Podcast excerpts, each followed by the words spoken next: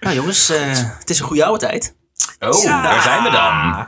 Oh, we zijn er en op locatie. En Op locatie, de Tim eerste heeft, eh, goede oude. Tim heeft de ruimte geregeld. Precies zoals altijd. Dus waar zitten we, Tim? in de ruimte. In de Want ruimte. ik we, eh, dus ik heb mij laten vertellen dat niemand je hier kan, hier kan horen schreeuwen. Ben ik één Oh. van de pluspunten punten aan de ruimte. Nee, we zitten in Drenthe. Wat, wat Corrigeer me alsjeblieft als dat niet klopt. Drenthe praktisch. in Ruinen. Nee, ja, ja, Ruinen. Niet in een kelder bij Ruinerwold trouwens. zeggen. En we hebben vandaag een live, eh, eigenlijk een soort van live optreden, want Mark is, eh We hebben is publiek. gedwongen publiek. Ons publiek heeft een koptelefoon op en probeert ons zoveel mogelijk te negeren. Ja. Oh, Ja, hij komt door. Vond hem wel goed over de microfoon inderdaad. Nee, ja, misschien even een kleine context voor de mensen. Wij zijn, eh, wij zijn hier met vier, eh, vier vrienden inderdaad. eh, zitten wij gewoon lekker in een huisje in Drenthe het hele weekend. Een beetje bier te drinken, Ja. whisky te drinken. Sterke verhalen te vertellen en eh, podcast opnemen. yeah. Waar we inmiddels onbekend staan, Ja, hoop ik. Hoop dat we be- hier onbekend staan. ontzettend bekend zijn we hierom. Nou, eh, nou, het verhaal is, het, het principe is inmiddels bekend natuurlijk. Proost. Doe nog even snel. Doe nog even snel in het kort. Oh. Even Ja. proost. proost. Je zit zo ver weg. Ja, Dat ga ik zo, ja. Ah, is dat goed. ga ik niet redden. Nou, het principe is bekend. Het is, eh, ik heb verhalen geschreven, die zitten in enveloppen. Eh, alleen de kleur is bekend. En jullie mogen kiezen welke kleur jullie willen horen. Wij hebben geen idee waar het verhaal over gaan. Het gaat in ieder geval over Nederlandse geschiedenis, maar wij laten ons volledig verrassen, Ja. Sjors en, en ik. Ja, Ehm, dus ja, ja, zeg het maar. let's do Ik it. heb er twee. het is, eh, het is, we zitten in the middle of nowhere. Het is een en al duister eh, buiten. Dus ik vind dat we gewoon eh, dat thema door moeten zetten. En Oh, gewoon, jij stemt voor zwart? Je stemt Ik- gelijk ja. van zwart. Jij stemt gelijk voor zwart. Ik zie Remy's smile op zijn gezicht. Ik maar ik heb overal smaal bij, want ik vind het allemaal heel mooi. Nou ja, ik, eh, ik, ik, eh, nou, ik neigde naar grijs, maar ja, I want a yes and. so, Black eh, stories dus- matter, man. Oké, Kom op. Nou, in dit geval ben je niet racistisch. Dat is goed om te weten. laten we het doen. Laten we voor zwart gaan. Nou, hier, maak maar open. Kan ik ondertussen op zoek naar het verhaal. Yay. Maak hem open. En daar zit natuurlijk het hele verhaal. Wacht even met geluidseffect. Ja. Ah ja, lekker. ja hoor. Hé, hey, maar Sjors, als je zo je gulp open hebt, wil je dan die envelop even openmaken? Alles op zijn tijd. Waarom heb je een papieren broek aan ook? Er staat een, eh, een zeer onduidelijk geschreven 3 op, eh Ja, Remy. het, een, een, een. Dubbele Je had één taak, dat is namelijk een, een cijfer op een briefje schrijven.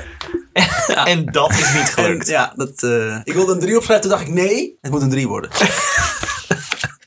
Nou, te gek. Kom maar, verhaal nummer 3. Oké, verhaal nummer drie. Ja. Zwart 3. 1832.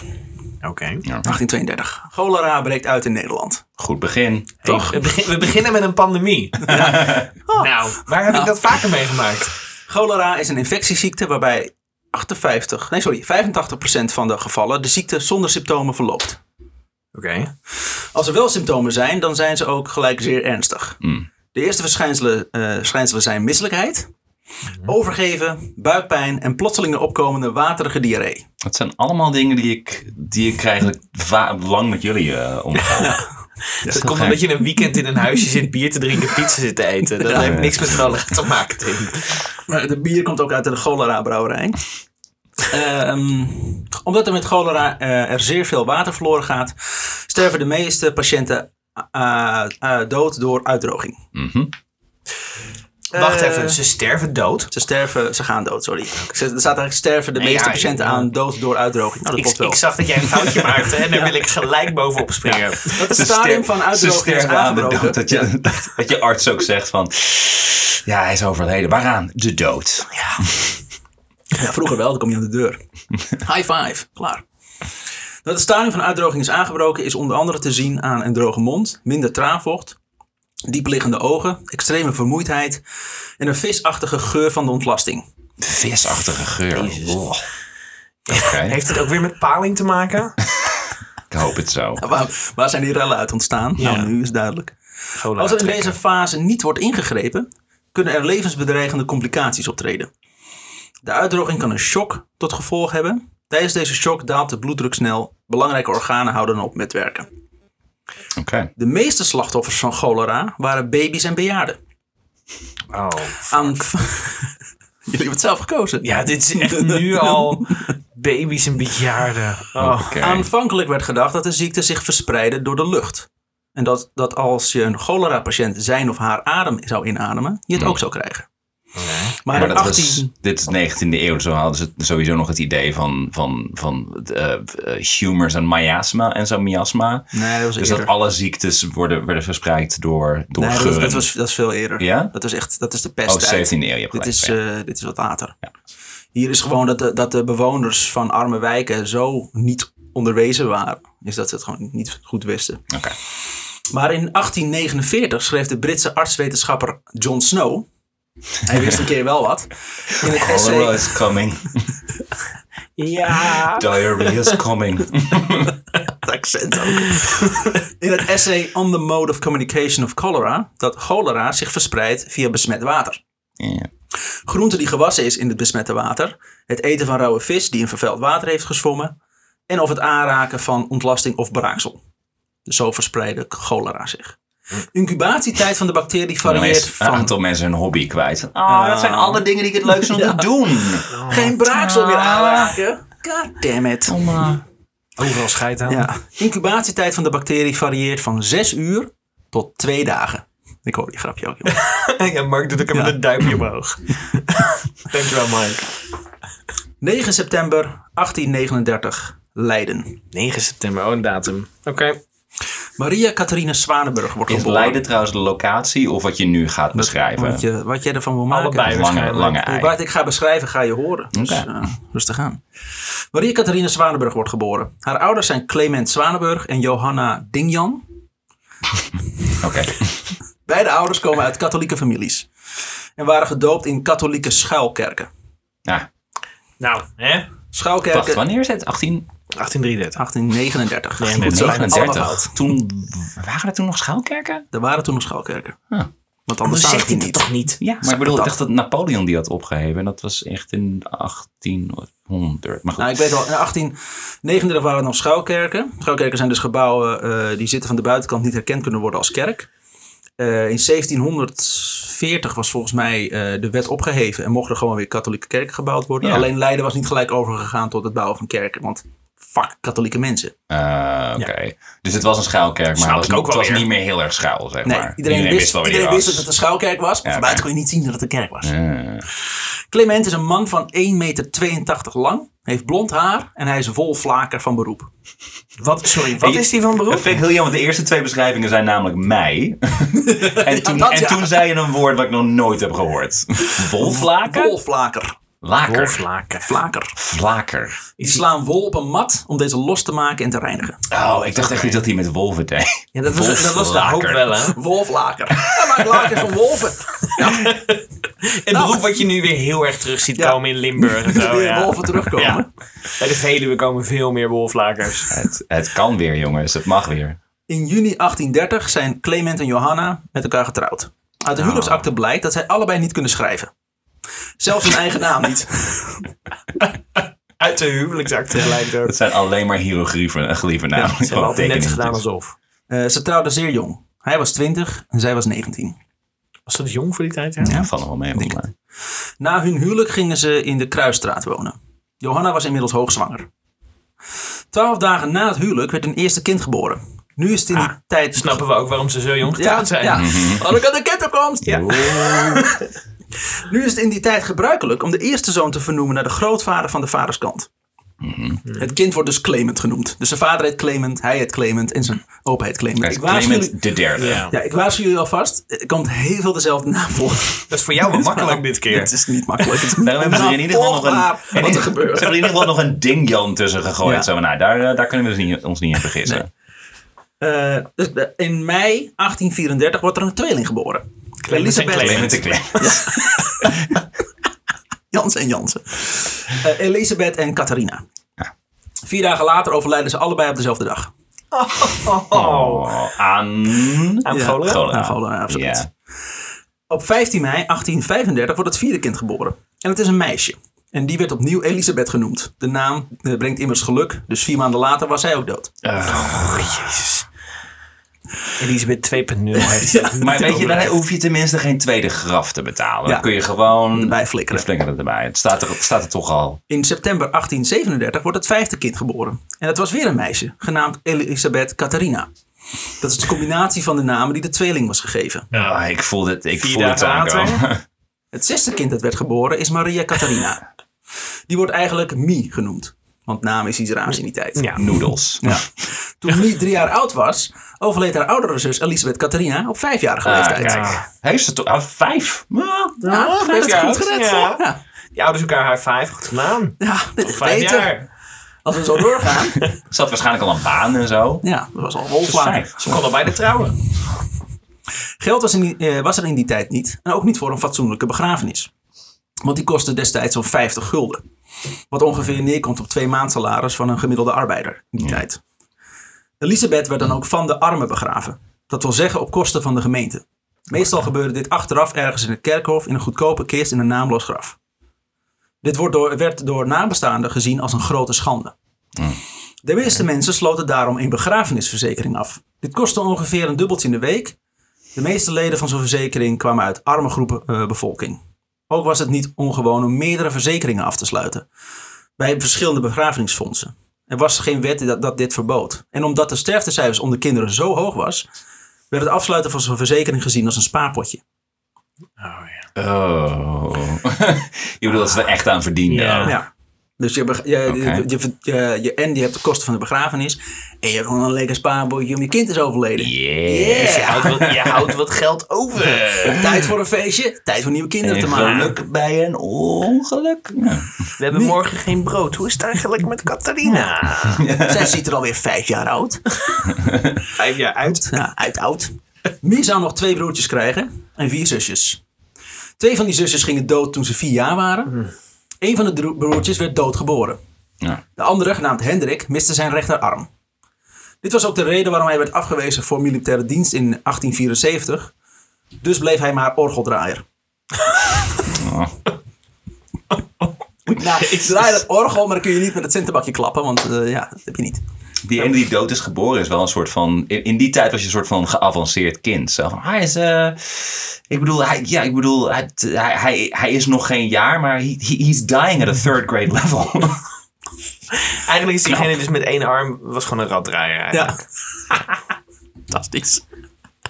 Dankjewel Mark voor Van de twaalf kinderen die werden geboren, gingen er zeven dood voordat deze een volwassen leeftijd hadden bereikt. Clement vindt na zijn carrière als wolflaker nog werk als shower in een fabriek. Een Shower. Ja, dan shower je gewoon Maar shit wacht even, weer. want hoeveel kinderen hebben ze nu ongeveer begraven? En eh, zitten we rond de tien, geloof ik? Eh, dat komt dan naar voren. Volgens mij zes of zoiets. Het is wel mooi dat ze het destijds gewoon shower noemden. Ja. Dat je, ik bedoel, tegenwoordig had je er een of andere bullshit term van gemaakt. Zoals dat Verplaatser. eh, logistics artist of zoiets. Logistiek eh, ondernemer. Ja. Een logistiekplanner. Ja. Ehm, maar al gauw vindt hij zijn roeping en wordt aardappelmeter. Oh, nee. Is dit echt wat ik, wat ik nu voor me zie? Dat hij met een meetlint zo... Nee, deze is net iets langer inderdaad. Ja. Niet. Dan meet je aardappelen ter bepaling van de prijs. Oh. Moet je nagaan. Maar je kreeg Dan wel- zou je toch... Maar dan ga je toch af op gewicht, niet op het formaat. Maar het voordeel is wel dat je een pieper van de zaak kreeg. Op een gegeven moment zeg je ook... Hey, ik piep het eens uit. Ik... eh, Oh, fantastisch. Ehm, tussen de baantjes eh, door was hij ook lange periode werkloos. En als hij werk had, kreeg hij kutloon. Als Clement ziek was en dus geen loon kreeg, ging zijn vrouw Johanna langs de buren voor aalmoes. Iets wat heel normaal was in die tijd. En de buurt waarin je woont is eigenlijk een grote familie. Iedereen let en zorgt voor elkaar. lekker met patat. Ja, zo- Aalmoes. Oh, Patat Aalmoes. aalmoes. oh, ja de lekker. palingrellen. Palingmoes. Klopt. Ze woonde in een klein huis met een woonkamer die nauwelijks ruimte had voor een eettafel. Laat staan stoelen. Op zolder sliepen alle kinderen. Mie ging naar dezelfde school als haar ouders. Namelijk niet. Aha. The, school of hard knocks. Ze was, de een, ze was niet de enige in die tijd. Niet, eh, niet naar school ging. Ze was niet de enige in die tijd die niet naar school ging. In de jaren 40 en 50 van de 19e eeuw gingen voornamelijk kinderen uit arme arbeidsgezinnen niet naar school. Het waren namelijk dure tijden en kinderen waren nodig als arbeidskracht om het gezinsinkomen aan te vullen. Yep. Moeder Johanna probeerde met een side business nog wat geld binnen te harken, maar dat leverde niet veel op. Wat ook niet, Side business. ja, ik weet niet wat dat is, stond er niet bij. Oké. Wat ook niet hielp is dat Clement de helft van, de, ge- van het gezinsinkomen uitgaf aan drank. Yes. Ja. Toen Mie 12 jaar oud was, werd de, familie, eh, werd de familie hun woning aan de Kruisstraat uitgezet vanwege een huurschuld.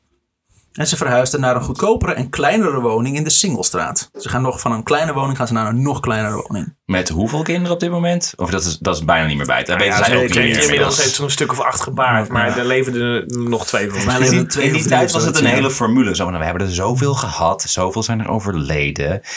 Die is ziek, maar daar hebben we geld voor gekregen. Ze is in verwachting. Dat kan een tweeling zijn weer. Hadden we aan een, einde naam gegeven? Of? Ja, niet. Ja Elisabeth, toch? Ja, daar hebben we er drie van gehad. Ja, Ja. ik weet niet of we het nog een keer moeten En gebruiken. uiteindelijk was het toch dubbele ruilen. Dus Ja. dan, eh, Ze, wa- oh, ze waren over. met z'n zessen. Ze waren nu in totaal met z'n zes. Ja, Ja, vier kinderen, Allemaal levend. twee ouders. Ja, Ja. Een doodkind meegenomen. Is Ik het weet dood? niet- Ik weet niet hoe dat ging er niet uit. Ik was er niet bij. Ze hadden in deze woning maar liefst twee kamers. Oeh. Twee een, dream. eh, eh, vier in de ander. Giet, is een aflevering van Cribs die in drie minuten voorbij is. Ja. En dit is onze tweede kamer. En dit is onze living. This oh is shit, where er the ligt ma- iemand dood. Ah, fuck. This is where the magic happens. This is where the Letterlijk, magic, this is where the magic happens and should probably stop happening considering how many of our children die. Gek genoeg hielp dit alles niet met hun financiële situatie. Mie en haar jongere zusje Petronella Johanna moesten kousen breien en verkopen om wat bij te kunnen verdienen. De, de meisjes hadden slechts één stel kleren. En op wasdag, dat was de zaterdag, moesten zij zich ook uitkleden om de kleding te laten wassen. Ja. Op zondag hadden ze weer schone kleding voor één week. Tenminste, schone kleding voor misschien twee dagen en Ja. daarna vijf dagen narigheid. Narigheid. Of je gaat Ja. dood na 12, 2. Weet jij ja, veel? precies. Dat weet je ook Je plant ook niet zo ver vooruit in die tijd. Werden die kinderen dan ook begraven met hun kleding? Of was dat iets van, ah, kunnen we niet, kunnen we niet naakt begraven die kleding houden voor de En die volgende? kleding voor de volgende Ja. hebben we toch niet zo. Het was in die tijd ook, hey, ik zie je volgende week. Ja, dat, let's see how it goes. Hopelijk zie ik je volgende week. Ja, wie weet. Je ziet er goed uit. Het was alom bekend dat de familie van Mie een arme zooi sloebers waren. Zelfs in hun buurt. Met een vader die meer dronk dan hij werkte. Ondanks dat alles wordt Mie omschreven als een lief meisje met een zeer goed en vriendelijk karakter. De Singelstraat is de meest kutte straat in Leiden. En er heerst nu ook een cholera-epidemie door de straat. Stadsgeneesheer Franciscus Dozy. Dozy. Dozy. Dozy. Do- Hey. Dozy uit Leiden. Die erachter kwam dat gek genoeg eh, voornamelijk de straten met arme arbeiders de brandhaarden van cholera zijn, concludeerde ook dat sommige woningen zo slecht onderhouden worden dat ze eerder lijken op zwijnenstallen dan op woonhuizen. Ja, als je ze- zes man in een kamer, in twee kamertjes propt. Mie woont met haar ouders in de goedkoopste woning in de Singlestraat. De huur die ze moest betalen was 40 cent per week. Ja, damn. Is dat, wat is dat omgerekend naar nu? Een, eh, een tientje? of zo. Ja, meer ook niet. Dat is echt niet best. Aan dit huis gebeurde geen onderhoud. Er lag geen vloer in dit huis en daarom was het ook een modderige, stinkende teringzooi. Een varkenstal dus. Dat stond op Funda ook. Ja, Mondelige tering zo. Ja. Nu maar 40 cent in de week. Funda was vroeger ook gewoon een man die met een soort voor het voorbord op straat liep. Daar op huizen. Zonder alle huizen opgeschreven. Tering was op dat moment trouwens nog best wel een veel voorkomende ziekte. ook. Dus tering zo is, haha, gevolgd, het is cholera. De daken waren lek en de ruiten waren gebroken. In deze woningen hadden ook geen bedden of bedsteden. Ze sliepen gewoon op de modderige grond. Dit Rond, is echt een varkenstal dus. ja, rond 1860, als Mie 21 jaar is, loopt ze Johannes van der Linden tegen het lijf. De van der Linden stammen af van Moses Fletcher. Een van de mafketels die via Leiden naar Amerika vertrok en bekend stond als de Pilgrim Fathers. Oh, Oké. Johannes is alleen protestant. Werkt als smid bij de grofsmederij. En al snel genoeg kwamen ze erachter dat een protestanten prima past in een katholieke. Want het stel kreeg vrij snel twee kinderen. Prima past in een katholiek ook. Ik ben heel trots op die zin. ze kreeg, al, ze kreeg al snel twee kinderen, waarvan vijf dood. Maar wat, wat, wat was het ook weer? Twee geloven op een kussen, daar slaapt de duivel tussen. tussen. Ja. Dat zei mijn oma altijd. Dat is gewoon zo. een goede, goede trio. Dat is, eh, Ja. is gewoon hete seks. Ja, gewoon lekker stiks. Af en toe op het kruis slaan, hè, je kent het wel. Dat is een donkey punch, toch? Het kruis slaan. Ja. Ja. Toen Mie 24 jaar was, kreeg ze als eerste kind Catharina. Werd geboren op 4 december 1863. En het tweede kind Johanna op 22 oktober 1865. Eén- Sorry, maar ik ga heel even stom. want Jij merkt het volgens mij nu ook. Er is steeds net een... Ik heb, kan het zijn dat jij net eh, eh, je, je, dat ding aanraakt? Nee, iemand anders raakt zijn microfoonkabel aan. Ik hoorde de hele, tijd een soort van vage, vage Ja, bonk dus ertussendoor. dat is dit. Leidt af. Nou, ik weet niet wat het is. Maar goed. Is dat deze misschien? Kan. Zo. Dat maar filtert zich trouwens weg eh, in, de, in de post. Maar fijn dat je erover begint, want nu blijft dit erin. Oké, en door. Je wou zeggen, knip het er maar uit. Maar dan zijn die snoeren weer kapot. Zo Ja, ga je, ga je merken. Eén dag voor de geboorte van Johanna liet Mie zich inschrijven in de woning van de ouders van Johannes. Zij heeft dus een tijdje met een kind, maar zonder man, bij haar ouders gewoond. Oké. Op dat adres wonen naast In de... die zwijnenstal. In die zwijnenstal, ja. Op dat adres wonen ook naast de ouders van Johannes nog twee zussen van Johannes en een broer. Ze woonden er nu met negen mensen. Jezus. Drie generaties. Ja, is Ik gezellig. hoor je het weer. Ja, goed. Johannes gaat samen met zijn vader Ari aangifte doen bij de burgerlijke stand. Maar omdat, de, omdat ze allebei niet kunnen lezen, zien zij eh, niet de- dat de ambtenaar Johannes aanwijst als bekende van de overledene en Ari aanwijst als de vader van het kind. Ari is de vader van Johannes, Eh, dus de- is de opa van het kind, maar Ja. wordt aangewezen als, als de vader. En de vader wordt aangewezen als, als eh, bekende, maar omdat ze allebei niet kunnen lezen, Hebben ze dat in de niet gaten? door. Dus dat staat daar gewoon. Oh, jezus. Op 25 september 1866, toen Johanna zo'n 11 maanden oud was, eh, bleef ze dat ook voor eeuwig. Ah. Dus gingen Johannes en zijn vader opnieuw aangifte doen bij de burgerlijke stand. Nu stond Johannes wel als vader bekend Oké. en Ari als een bekende. Dus inmiddels is dat andere kind dus ook dood, hè? Dat is eh, Ja. net verteld. Dat had ik begrepen. ik dacht of, of een of andere medische aandoening. Ja, ten een soort van tijde- omgekeerde Benjamin Button. Ten tijde van Johannes' begrafenis was Mie alweer voor haar, eh, zwanger van haar derde kind. Ari werd geboren in maart 1867. Maar deze drie kinderen, eh, maar deze drie kinderen werden geboren buiten hun huwelijk om. Toen ze in 1868 toch maar gingen trouwen, erkende Johannes die kinderen als die van hem. Dus ook die twee die overleden waren. Ja. eh, De reden waarom ze niet, nog niet eerder in het huwelijk traden, kwam omdat eh, Johannes met zijn dienstplicht, eh, zijn dienstplicht moest vervullen. En de militaire militiewetgeving maakte het onmogelijk voor dienstplichtigen onder de 40 jaar om te trouwen, voordat deze aan hun dienstplicht hadden voldaan. Oh, wauw. Mie is ook begonnen met hevig drinken na het overlijden van de eerste twee kinderen. Nou, dat is eh, een goed idee. Is, hè, zo vader zijn dochter. Dat zo, zo werkt het. Zitten, zijn, het zij mee? zitten nog steeds bij die ouders thuis. Ze zitten nu bij de ouders van Johannes thuis, ja. Oh ja. Eh, om rond te komen werkt ze als wasvrouw en breister. Oké. Ze woont nog steeds bij haar schoonouders als het vierde kind wordt geboren. Johannes wordt geboren op 21 januari 1869. Ze hebben echt allemaal ook dezelfde naam iedere Ja, keer. kon, het is super verwarrend. Ja. ik zit ook steeds... Oké, ik moet echt opletten. Met fucking research doen. Jezus Johannes. Christus. En Johannes werd geboren, Ja. maar Johannes was al met die Ze, ja, dat waren de goedkoopste namen. Ja. Ja. Ze hadden niks anders. Dus ze konden het niet schrijven. Nee, Johannes is We dus noemen hem vernoemd Simon. Hallo. ja. Moet hij made of money? Nee. met een enorme S. Wat denk jij helemaal niet? Johannes met meer letters. Hij kan toch niet schrijven. Maakt mij dat uit. Zijn niet voor een dam. Ja. Maar goed, hij wordt dus geboren op 21 januari 1869. Hij zou het redden tot 15 maanden. Want op vij- 12 mei 1870 Ah. overleed hij. Jezus. Gaat, gaan, houdt het nog ergens op met eh, kindersterfte? Ik weet het niet, we gaan gewoon verder. Een dag na zijn dood verhuist het stel naar een eigen woning aan de Gortenstraat. Een paar meter verder dan het huis van haar schoonouders. Dus ze wonen nog wel in dezelfde straat. Ja. Dit is voor het eerst dat ze in een, huis hebben zonder dat deze het hoeft te delen met de ouders. Sinds de geboorte van hun eerste kind, zo'n Luxe. zo'n 6,5 jaar geleden. Wat een, wat een luxe mensen zijn dit. In dit nieuwe huis werd dan ook hun vijfde kind geboren. Een dochtertje, Pieternella. Die in dit nieuwe, Nieuwe huis... naam. Nieuwe naam. Hey. Die in dit Nieuw nieuwe huis, nieuwe naam, man. Nu gaat het goed komen. die in dit nieuwe huis een betere toekomst voor zich heeft. Eh, voor, eh, voor zich heeft dan die, die de anderen die voor haar kwamen. Eh, zij overleed dan ook op een respectabele leeftijd van nog geen jaar oud. Oh, jongen. Hou nou eens op, man.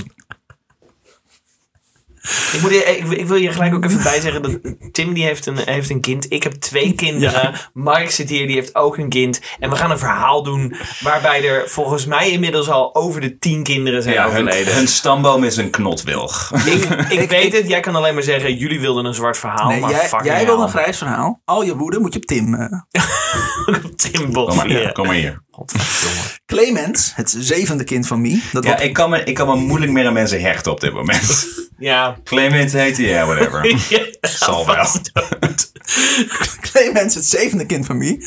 Dat wordt geboren op, in februari Zevende 1874. kind. Deed het beter. Ja. Die haalde zeker drie jaar. Hij overleed pas toen hij drie jaar oud was. Oh, het wordt gewoon gokken nu. We kunnen Ja, geld gaan inzetten. Ik wil zeggen, dat moesten ze doen in plaats van die verzekeringen. Gewoon mensen, mensen laten inzetten. In elf jaar tijd hebben ze zes kinderen moeten begraven. Ach, man. Waarvan drie dood. Dat is lullig. Ze hadden, het gewoon, ze hadden het gewoon niet zo breed. Maria Catharina, het achtste kind, werd geboren in 1877. En het negende kind, Leonard, in 1880. Zij waren samen met Arie de enige drie kinderen die de volwassen leeftijd zouden bereiken. Jezus. Maar en, en allemaal overleden op een achttiende ook. Ja. Neergeschoten op straat. Ja. In 1877 overlijdt ook Mies schoonzus, Sarah Cornelia Fuchs. Ja. No, No fucks, fucks forgiven. Ik wil zeggen fucks haar, maar dat prima. Op 29-jarige leeftijd. Zij was getrouwd met Hendrik, de eenarmige orgeldraaier. Zie, dat is een naam waar ik iets mee kan. Precies. Ja? Hendrik de eenarmige orgeldraaier. Hoppakee. De raddraaier. Dat was waren ook zijn tweede, derde en vierde naam. Clement de Wolflaker. Kijk, daar kan ik iets mee. Sarah was twee weken eerder nog bevallen van hun zoontje Clement. Natuurlijk. Ja Godsamme. hoor. Prima Remy. Geen Want het probleem. was wel weer tijd voor een Clement. Ja. Sarah was, Hoeveel baarmoeders had het dan, dat mens? Hoeveel kinderen was hij tegelijkertijd aan het... Aan het baren. ja. Dit is trouwens de, de schoonzus, hè? niet Mie, Oh, maar de schoonzus. Die is overleden. Natuurlijk. Twee weken eerder heeft ze nog een kind gekregen. Natuurlijk, anders zou het verwarrend worden. Ja. Fijn dat je dat zegt. Sarah was in één week doodziek geworden. En Mie Maar verzorgde... wacht even. eh, eh, eh, klaar is het nieuwe kind? Of klaar is de schoonzus? Sorry, Sarah. De schoonzus had, eh, eh, heeft een kind gekregen, is toen overleden. Is dat Ja. kind, leeft dat kind nog? Ik kind heet Clement, hoofdpijn. die leeft nog. Oh, Ik heb nog. hoofdpijn. Sarah was een de week doodziek geworden en Mie verzorgde haar. Zij kwam ook vaak bij haar over de vloer en maakte haar eten klaar. Na het overlijden ontfermde Mie zich over het zoontje wat achterbleef. Hm. Maar drie maanden, la- drie maanden later overleed hij ook. Hij lijkt op zijn moeder dus. Ja, hij was net zo levensmoe takes als zijn moeder. Jezus. Gelukkig was hij wel verzekerd. Ah. Dus kon hij op een respectabele manier begraven worden. In plaats dat hij gewoon in een put geflikkerd werd. Maria van der Linden, de Ja, zus... daar krijg je wel cholera-uitbraken van als je ze in een Ja, put begraaft. Ja. Ik begrijp er niks van.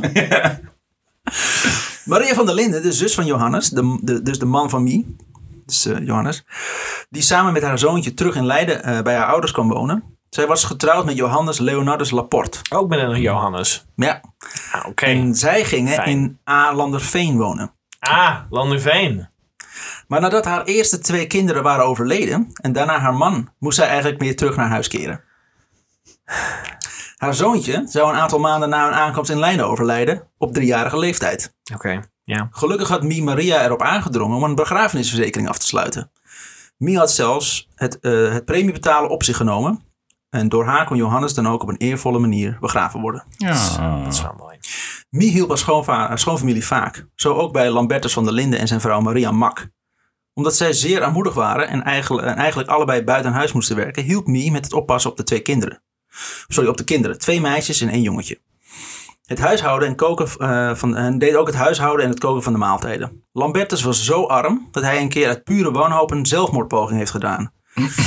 hij verhing zich op zolder. Want er waren niet genoeg doden gevallen. Ja, inderdaad. er is al heel lang niemand overleden. Ja, Laat ik eventjes wat lol Zeker- in de tent gooien. Zeker 10 seconden niemand horen sterven. dit, is ook, een- dit is ook een familie die, die opschept eh, naar andere families toe. Nou, het gaat de laatste tijd best, eh, best, eh, best goed met, met, met ons. We begraven elkaar tegenwoordig. Ik bedoel, Er hangt ook zo'n heel kalender aan de muur met eh, nou, 10 days without death. ja. Of gewoon op de kalender al, al aan verschillende data. Dan hebben we een begrafenis. Van wie? Nee, dat weet ik nog niet. maar statistisch Ja, gezien hebben we dan Dat een komt dan het beste uit. Hij verhing zich op zolder, maar een buurman ontdekte hem net op tijd. Lambertus had namelijk een torenhoge schuld van anderhalf gulden openstaan. Aan die buurman. Nou ja, Is gewoon dat toch ja, niet die buurman denkt, nee, nee, nee, nee, nee. ja, niet voordat je sterft. En wist niet hoe hij dit kon betalen. In oktober 1879 werd Maria ziek. Veel braken, buikpijn en diarree. Ja. Cholera. Mie hielp haar weer op de been. Maar op een avond nadat ze bij Mie een bord pap had gegeten, klaagde ze over he- hevige benauwdheid, liep er slijm uit haar mond en sloeg ze met haar handen en voeten. Later die avond overleed ze. Een waarloze pap. Mie was gewoon een hele slechte kok. Kok, ja. Ah, lekker slokje bier. Heerlijk. Goede tijd om te leven, hè? Meer, meer slijm dan ik had gehoopt eh, in deze pap. Ja, mucusachtige pap. Gelukkig was Maria Mak netjes verzekerd bij het begrafenisfonds. En Frans, eh, en Frans Onderwater, de fondsbode, Frans onder water. ook al bekend als Jacques Cousteau. Zo ga je zo'n Cousteau vanaf nu noemen. Ja, Ja, Frans. Onderwater.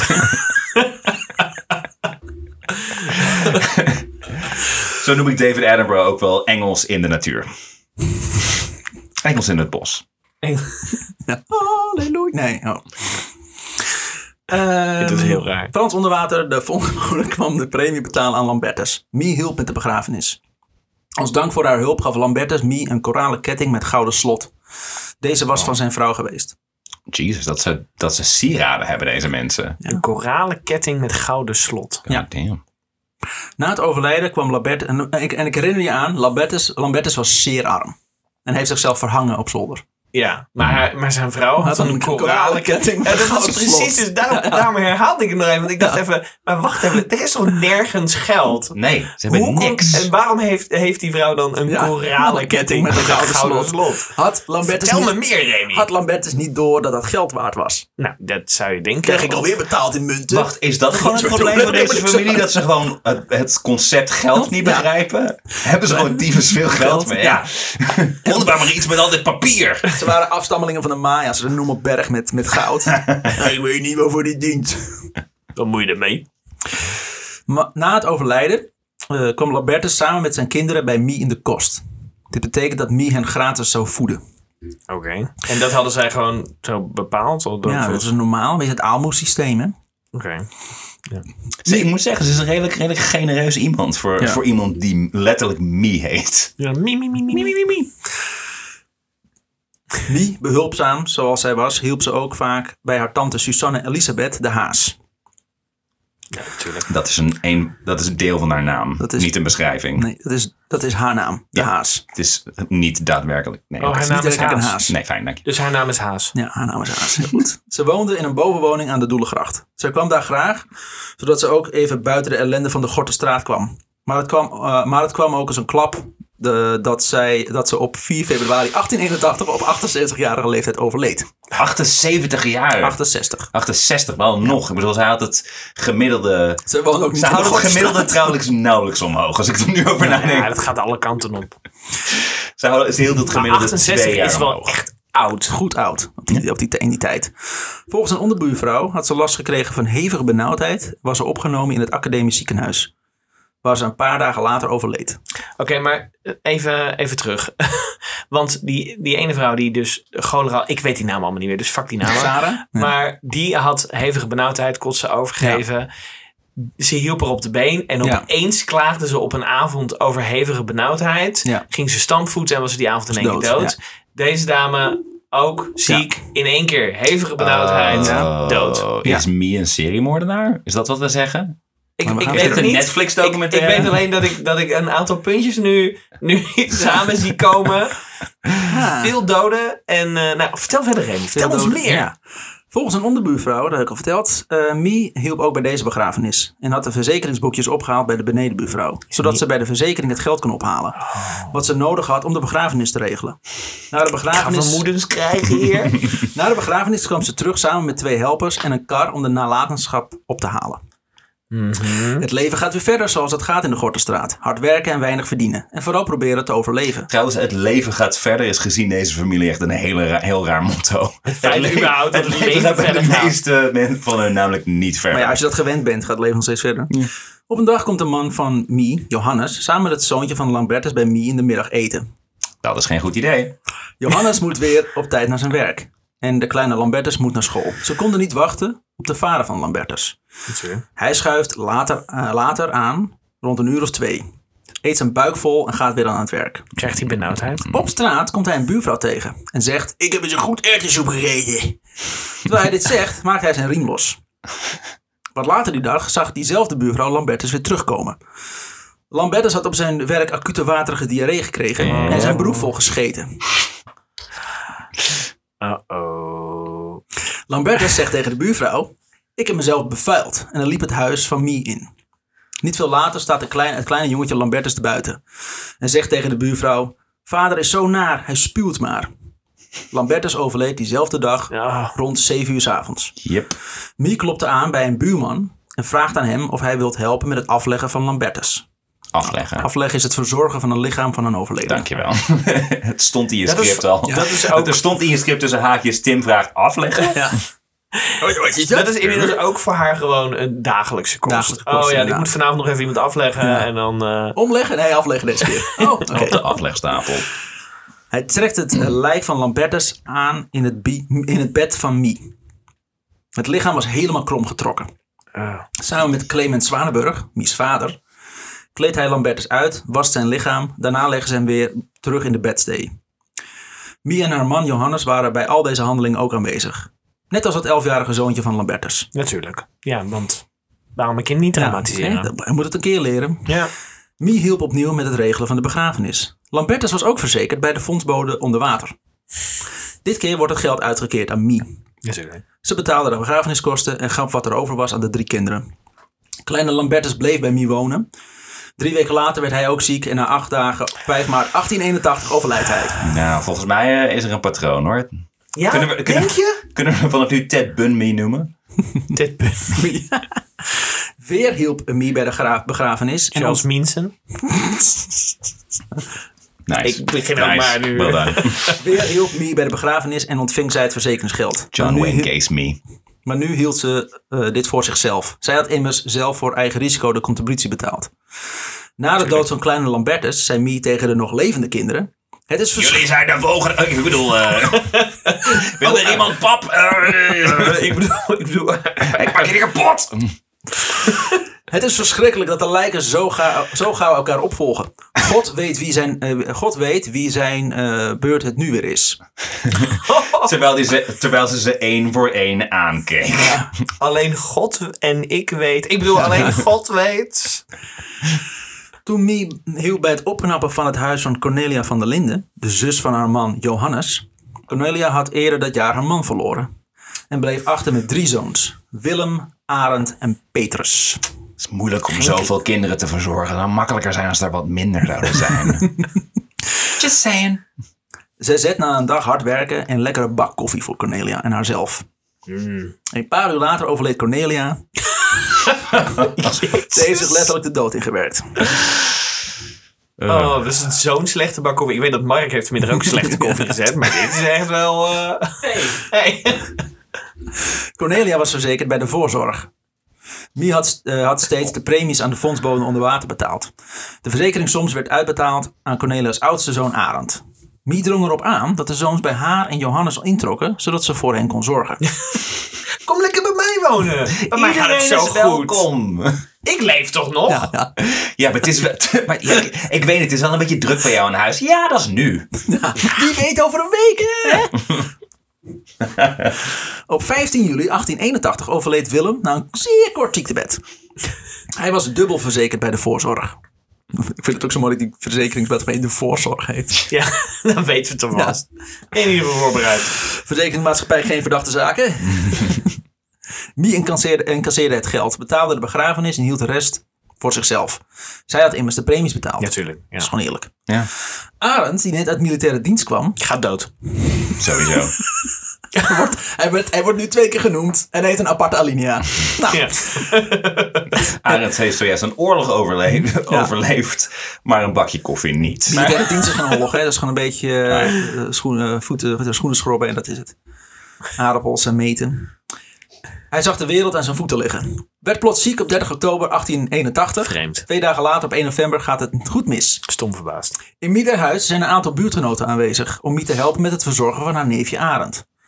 De buurtgenoten zien dat Arend last heeft van hevige benauwdheid, hevige krampen en scheidt regelmatig het bed onder. Van de, Ik moet wel zeggen, Mie heeft wel geluk. Hè? Dat, ze, dat ze ondanks het feit dat iedereen om haar heen ziek wordt, dat zij steeds maar... Ja. Godzijdank. Godzijdank. Gewoon toch heel besmettelijk? Of heb ik het eh, Nou ja, maar Mie heeft gewoon ontzettend goede, weerstand. weerstand. Ja, Ja. dat is het. Ik vind daar totaal niks verdachts aan. Nee. Willen jullie daar ook niks van Nee, dat afstaan? viel, mij, dat viel mij ook heel erg op hoe, hoe weinig hier verdacht aan is. Onverdacht het is. Hoe extreem onverdacht dit is. Van de pijn en de spasmen vliegt hij door zijn bed. En dat gaat, gaat, gaat gepaard met hevig kotsen. De huid rond zijn mond werd zwart en blauw. Zijn ogen puilden uit en ook kan hij steeds moeilijker praten. Het Jezus. enige wat hij nog wel uitkraamt is Tante Mie! Tante Mie! Mie zit op dat moment aan de keukentafel. Johannes, haar man, zit met zijn ellebogen ook op deze tafel hevig te huilen. Hoe hard Arend ook roept, Mie durft niet op te staan om naar Arend te gaan. Wel zegt ze tegen hem, het zal wel beteren. Ja, want ik heb tot nu toe uit het verleden geleerd dat het zo Ja. ongelooflijk goed gaat als mensen zo zijn. Dus Mie is een optimist. Ja. Ja, tegen haar buurman Elia- Elias Vogelsand zegt ze, het zal wel aflopen. Ja, het gaat zeker Ja. aflopen. Ja. Later die avond overleed Arend. Hoppakee. Arend werd begraven in een Doei, mooie Arend. kist en een normaal graf. Mie had hem namelijk drie keer verzekerd. En kreeg voor zijn dood 149 gulden. Jezus, dat is veel voor toen, Dat is heel veel. God, Dat is zijn jaarsalaris, denk ik. Een half jaar salaris. 40 cent huur per week, hè? Ik vraag me nu heel erg, heel erg af, af of de eh, verzekeraar dit in de gaten heeft. Of, of, die er, of die een soort van meewerken. Want inmiddels... Nou, ik, ik, wat ik me dus afvraag is, zijn mensen ook in de buurt... eh, er gaan heel veel mensen om hen heen dood. Maar is dat bij andere gezinnen ook zo? Want dit is wel echt absurd. Ja. Ja, en er gaan in die tijd gegeven in moment- die straat heel veel mensen dood. Ja, maar het, is, het, het lijkt wel alsof want, het... want, nou ja. want heel veel mensen komen op de koffie bij me. Ze krijgt dus 149 gulden. Doodsoorzaak nummer 1 en Ja. leidt op dat moment Mie. Eh, ze kreeg dus 149 gulden, waarmee ze de begrafenis kon betalen en de schuld afloste die Arend open had staan. Ook kocht ze voor het overgebleven broertje, broertje een stel sokken. Alsjeblieft, je broertje is dood. Een nieuw paar sokken. Nou, Nieuwe heb sokken. En jij bent morgen heb ook ik een broertje dood aan. Het, overlijden van Arend was zwaar voor Mie. Ook werd ze onrustig Ach, fuck jou, Mie. en riep... Oh, ik, heb zo, oh, ik vind het allemaal zo moeilijk. Oh, nee, voor mij is het ook niet makkelijk dit. Ja, zij moet ook een keer het bed verschonen. Oh, dat is ook- fuck me. Overal kots. Fuck me life. Fuck me life. Ik kan het in dit huis niet uithouden, want in de steeg zie ik den soldaat. Daarmee doelend op Arend, die net uit militaire dienst kwam. Oh, ik dacht den soldaat. Ja, laat hij me even Ja. inzinken. Tegen een andere buurtbewoner zegt ze: Ik had Arend met mijn eigen bloed willen helpen als dat kon. Mie stond bekend in de buurt als een behulpzame vrouw. Die, al, die als je in de problemen zat, je met liefde geld, eh, geld en eten gaf. Ook veel mensen Vooral kwamen eten. dan ook bij haar in de kost. Je kan maar bij, bij mij blijven wonen zo lang als je leeft. Ook draaide ze haar hand er niet voor om om de contributies voor de begrafenisverzekering te betalen. Nee. Als je Geen wat krap bij de probleem. kas zat. Ja hoor. Zo ook Willem Fux en zijn zoon Abraham. Is het dezelfde familie? Willem en Fuchs Abraham. Fux. Fux, de familie Fux. Uitvinder van de Fuchsia. Ja. Zij waren na het overlijden van de vrouw van Willem bij Mie in de kost gegaan. Ze woonden nog wel zelfstandig. Mie kookte dagelijks voor ze. Op een maandagmiddag in februari 1882 wordt Willem plotseling ziek. Hij had Oh. het vreselijk benauwd en kon nauwelijks uit bed komen. Nee. Hij overleed twee dagen later. Gek huis.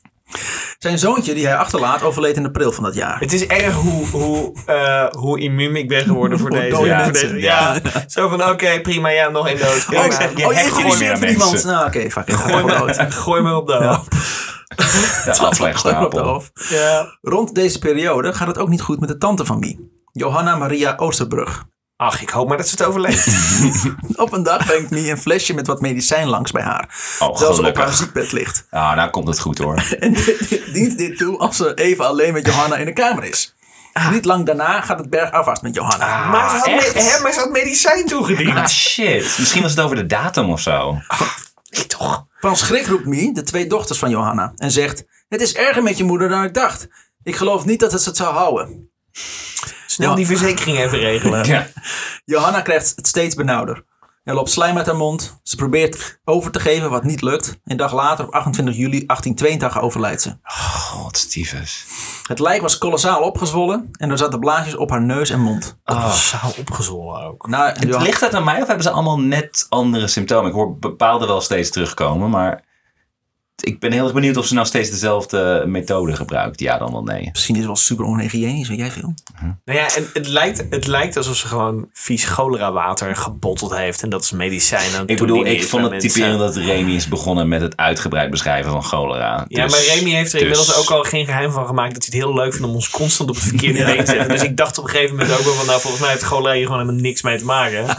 Het is Maar goed, we gaan het, Cyanide. we gaan het ontdekken. Eh, Pieter de Hees, de, de, de, de nog enige levende broer van Arend en Willem, Oh, ik hoop maar dat het goed gaat met Pieter. bleef bij Mie in de kost. Oh, nog, het bleef gewoon Niet in zo lang, denk ik, gewoon. maar- Jullie vragen, is dezelfde de vraag van, had niemand dat dan door? Nee, niemand had dit door. Niemand gaat, iedereen gaat gewoon lekker verder met zijn leven. Pieter is tamboer bij het regiment Grenadiers. En komt op een dag in oktober 1882 samen met een makker eens lekker eten bij Goeie Mie. Een naam die Mie kreeg van buurtbewoners, omdat ze zo vriendelijk iedereen te hulp staat. Goeie Ondanks dat, dat er zoveel familieleden aan de cholera overlijden, lijkt zij toch een rots in de branding bij in de buurt. Toen Oh, hij gewoon een binnenkwam, stond het eten al dampend op tafel. Zijn kameraad vroeg ook aan Mie eh, of hij ook kon mee eten. En kreeg ook het eten opgezet uit de nog pruttelende pot die boven het vuur hing. Ditmaal werd Pieter eigenlijk gelijk ziek. En Oh. wordt hij, omdat hij militair is, overgebracht naar het militair hospitaal in Leiden. Zijn oom, de man van Mie, is, eh, bezocht hem eh, regelmatig op zondag en nam wel eens wat voor hem mee, zoals geld of tabak. Maar ook soms eten. Zo had hij nu een broodje rookworst mee, die Mie- speciaal voor Pieter had klaargemaakt. Van de Hemi. Oh, wat fijn. Van de Hemi. Ja, de Hemi. Het tweede het Rookworst eerst. van de Hemi. Daarna hebben ze op een andere reden de naam moeten veranderen. Toen werd het Hema, want toen was ook moeder. Nee, maar. Maar Pieter had niet zo'n trek in dat broodje. Oh. Dus hij geeft wat aan soldaat Starrenburg, huzaar Leenslag. Van de- Ja, dat zijn Ja eigen, hoor, daar zijn eigen salade niet Daar mee. zijn ze weer. Daar zijn ze weer hoor. En wat er nog over is, verkoopt hij aan infanterist Romein. Waarschijnlijk had hij aan hem een grotere hekel, want aan die andere twee geeft hij het gewoon. Ja. Ja, dat ook Fucking verkopen. lullig, ja. Maar ik lig naast je. Die kut Romein weer. Zal ik hem een broodje verkopen? Ja, je- Maar je hebt het aan ons gegeven. Hij is gewoon een klootzak. Gewoon eh, verkopen. 40 cent. Hebben we weer een weekuur. Starrenburg werd eigenlijk gelijk ziek. Leenslag, de huzaar, overleed acht dagen later aan een hartinfarct. Ro- Romein kotste 15 minuten na het eten van het broodje alles weer uit. En herstelt daarna snel weer. Ah, wauw. Dus die heeft gewoon, Is dit de eerste overlevende? Ja, Starrenburg eh, overleeft het ook. En Romein overleeft het ook. Alleen Leenslag is Maar ik wil, ik wil toch eventjes de, de bizarheid van de situatie. Dus dat die dame zich als een soort van baken in die wijk Ja, in Leiden heeft, Akela. heeft opgeworpen. Iedereen Altijd vertrouwt voor haar. iedereen. Iedereen is daar. En ik denk dat we nu toch wel redelijk goed kunnen vaststellen. Dat ondanks Remy zijn rare eh, kanten die, die het soms op kan gaan. dat deze vrouw totaal niet te vertrouwen is. Dus Dat zou je denken. Dat zou je denken. Pieter verblijft uiteindelijk 17 maanden in het hospitaal. Bij zijn ontslag heeft hij nog steeds verlammingsverschijnselen. En omdat hij minderjarig is, hij is trouwens 16 jaar, nam hij zijn intrek in het weeshuis, de, eh, Nederland, in de weeshuis van de Nederlands Hervormde Kerk. Je hoeft in die tijd niet veel te doen om ziek te worden. Vanwege de zeer slechte hygiënische omstandigheden is het ook een wonder dat je niet ziek wordt. In februari van 1883 loopt Leentje Klein, een nicht van Mie, in ziekte op en wordt behandeld in het ziekenhuis. Als hij daar ontslagen wordt en naar huis loopt met een fles medicijn, neemt ze, door een, neemt ze daar een goede slok van. De drank smaakt haar goed. Ze is blij dat ze weer beter is, want vorig jaar op 3 april 1882 was ze haar schoonmoeder verloren. Nadat deze zeer benauwd werd, slijm uit de mond liep, moest overgeven en keiharde diarree kreeg. En een tijdje is verzorgd door Mie. Ja, dus, ja. ja, dat is, hij is niet verzorgd door Mie. Ze Oh. heeft gewoon eh, dit gekregen. gewoon cholera. Ze was bang dat zij ook aan dit virus er onderdoor zou gaan. Op weg naar huis besloot ze even bij Mie langs te gaan. Die aanbood de fles in koud water te leggen, zodat het medicijn goed koud zou blijven. Een paar uur later komt Leentje naar haar medicijn weer ophalen. En neemt er, ze kan ook niet zelf de fles in het fucking water leggen. Hè? Nee. Bij iemand anders moet ze dat eh, Ja, heel rare bewegingen. maar, maar ook, dit hebben de artsen niet gezegd. Dus ze komt daar, oh zal ik die fles anders even in koud water leggen? Maar artsen, artsen zijn er niet over begonnen. thing, maar, right? ehm, ja, is goed. Oké. Waarvoor eigenlijk? Nou, gewoon voor, dan komt het beter tot zijn werking. En dan, dan springen bepaalde aroma's open. En dan, Werkt dat zo met medicijnen? Ja, Ja, absoluut. Zeker. Ja, ja. Jij kan Ja. het weten. Ik ben bedoel, Mie. Ja, Jij ik weet het. En je, en je, en je, je- Ik heb zoveel mensen verzorgd. Ja, daarom. Het gaat zo goed met de mensen om jou heen. ja. Een paar uur later komt Leentje haar medicijn weer ophalen. En neemt er een goede En teug, zegt, nee, ik ben er nog niet klaar mee. Eh kom anders over vijf minuten nog maar weer terug. En neemt, en neemt er een goede teug van. Die ze vervolgens gelijk weer uitkotst. Ook kreeg ze hevige diarree. Wat? Vier weken later, inmiddels weer hersteld, Domme. komt ze weer op de visite bij Mie. Ah. Mie die heeft zoiets van... ze heeft het overleefd. Ze komt over de dat vloer en. Mie zegt... Oh, hey, hey, hey, hey, ben jij... Krijg ik niet Oh. nog geld van je? Ah, ben je aan het koffie? Mie ziet, eh, zo goed als ze is, dat Le- eh, Lena, Leentje, nog niet helemaal hersteld is. En koopt een eitje voor haar, die ze vervolgens door een, bak koude koffie heen klutst. En biedt aan. Dat is even los van het gif ook echt fucking naar. Daar zou ik ook ziek van worden. Bakken jullie zo je eieren niet? Ja, koffie maken met je water, hè. En biedt aan Leentje aan dit mengsel te drinken. Is goed voor je, word je sterker van. Opnieuw kotst ze alles uit. En scheidt ze deze keer ook weer ik, alles weet onder. niet, ik weet niet, tante Mie, je slagingspercentage is niet heel goed, maar oké. Maar er is me bij Mie toch ook mijn partij ondergescheten, jongen. Dat is echt niet normaal. Jezus, je hebt het toiletpot wel twintig keer moeten En vervangen. een huis zonder vloer, hè. Maar daarom, daarom had ze die verzekering ook nodig. Ze, is pu- ze blijft de mensen vergiftigen om maar geld te hebben om de boel weer schoon te maken steeds. Dat is een visieuze cirkel. Mm, ook hier herstelt ze weer van. Oh, gelukkig. En gaat weer op visite bij Mie. Want, want dat ging zo goed de laatste Ja. keer. Ze voelt zich een beetje schuldig dat iedere keer als ze op visite komt, komt ze alles onderkotst en maar had ze het gokken. Mie. Gaat Mie niet bij andere mensen langs ook? Oh ja, ook wel. Ja, En de- ja hoor, na het eten van de erwtensoep die Mie heeft gemaakt, kotst ze binnen no time alles weer onder. Ook de diarree is weer terug. Blijkbaar was ze nog niet beter. Ook wordt ze snel weer opgenomen in het ziekenhuis. ook gelijk denk van, ik voelde me beter toen ik bij jou kwam, ben ik weer ziek. Het spijt me zo. het ligt lullig. zeker aan mij. Het ligt Ah. echt aan mij. Ik ben een slechte gast. Terwijl. Leentje in het ziekenhuis ligt, zorgt Mie voor haar zoon Johannes Lepelaar en zijn vrouw Petronella Johanna Zwanenburg. Maar het niet maar heel lang. gaat. En ook hun zoontje. Maar ook Johannes wordt snel ziek en is Ah. verleid na vier dagen ziektebed. Het zoontje volgt niet veel later. Petronella, de zus van Mie, trekt na de dood van haar man en haar zoontje in bij Mie. Ik ga, me, ik ga me toch ook afvragen. Ik ga, het gewoon, ik, ga, ik ga gewoon al mijn twijfels en al mijn gedachten erin gooien. Ik ga me toch afvragen of zij het daadwerkelijk expres doet. Wat natuurlijk kan. Dat ik me of, ook ze al zich, af. of, dat ze het, of dat het steeds per ongeluk Dat zij geen idee heeft Ja. dat zij de schuld is achter al die moorden. Dat ze op Achter dat, al die dat ze doden, zeg maar. hygiëne gewoon niet begrijpt en gewoon de hele, de hele tijd alles vervuilt. Nou ja, ze woont in een huis zonder vloer. Ja. Ik bedoel, hoe hou je dat hygiënisch? Er was, een paar, er was een paar jaar terug, was er, eh, ik weet niet of dat ergens in Nederland was, maar er, er was een of andere IC waar steeds mensen overleden. En er was nog steeds het ziekenhuis van, oh, dat is een vloek of wat dan ook. En dat bleek een schoonmaakster te zijn. Die altijd in het, in het eten piste. Nee, die met de stofzuiger steeds zeg maar, ik heb ergens een stekker nodig, een stopcontact nou, anders, anders haal ik Oh, dit nee, er echt. Ja, ja. Oh, wat erg. Dus Dat ik vraag me af of het zoiets is. Echt mooi. Dat is een goed verhaal. Het feit dat dat überhaupt kan is trouwens echt absurd. Ja, misschien was het niet Nederland dan, maar... Nee. Vertel verder. Ga, is, is Mie daadwerkelijk psychotisch of eh, is het, eh, is het het ongeluk? Haar kind lag in het huis van Mie opgebaard. Dus het zoontje is dood en het kind ligt in het Of het huis gaat uiteindelijk gewoon Mie. over de oprichting van de eerste opgebaard. McDonald's. Gewoon Ja. iets heel anders. Dit is allemaal het voorverhaal om stemming te scheppen. ja. I'm loving it. Nee, is het in, zij, eh, zij heeft wel eh, in Leiden staat ook die kweekschool. We Waar, love you long time. in Leiden staat ook die kweekschool. Waar, doet eh, heel erg zijn best om zijn zin af te maken. om- om te concentreren. Sorry, in Leiden dat ook die kweekschool. Waar Matahari had gezeten.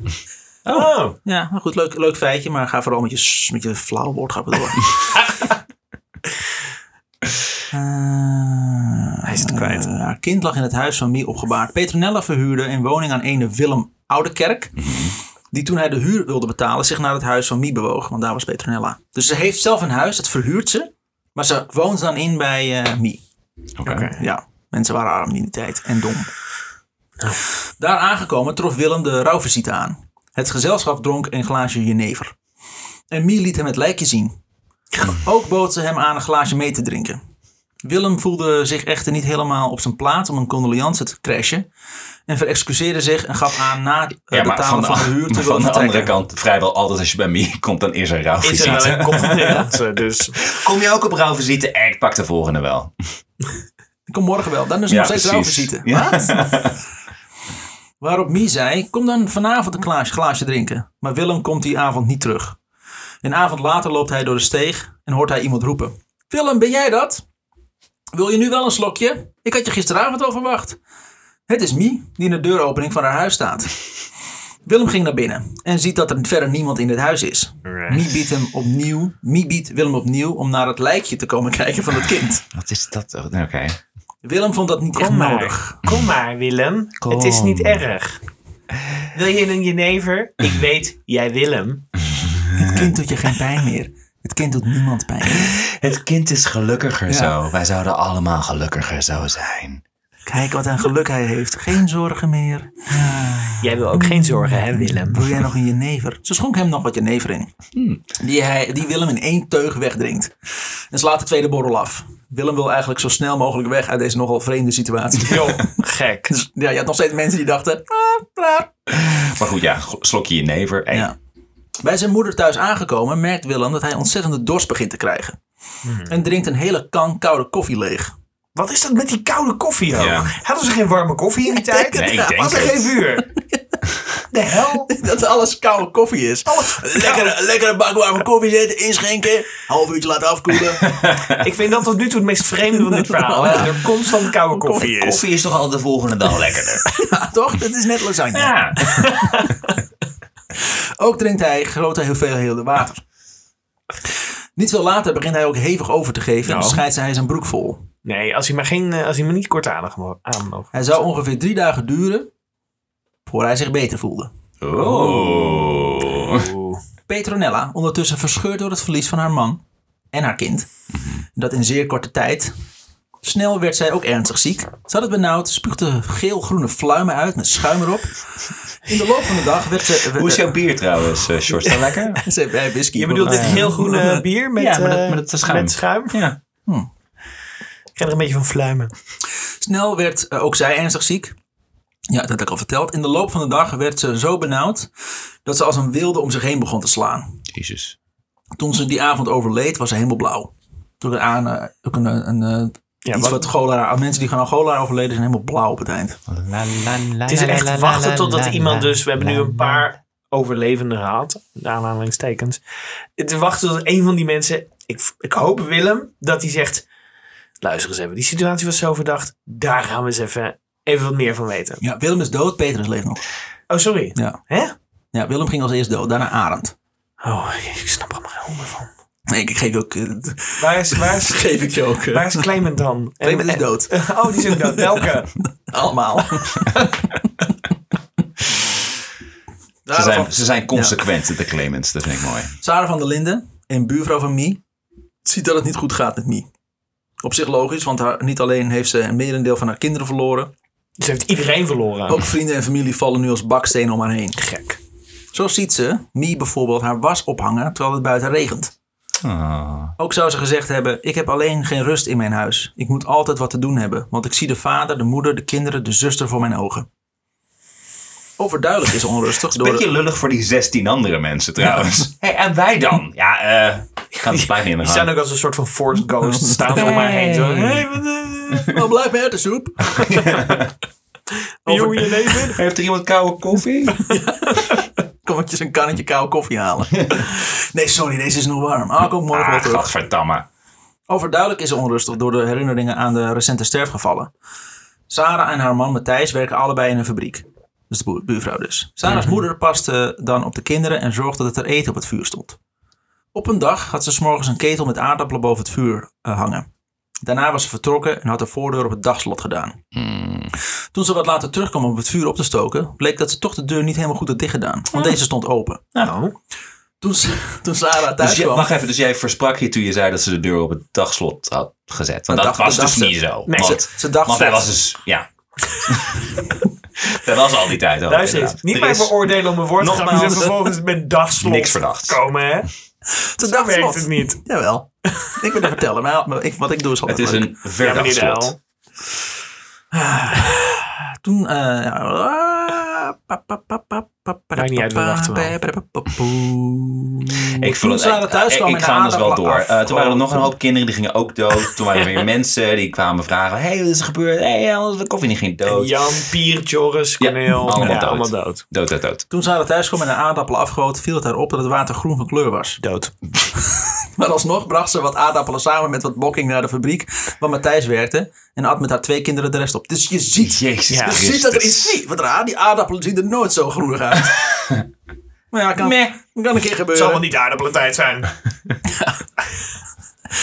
Niet lang daarna begon het feest en begonnen ze eigenlijk allemaal over te geven.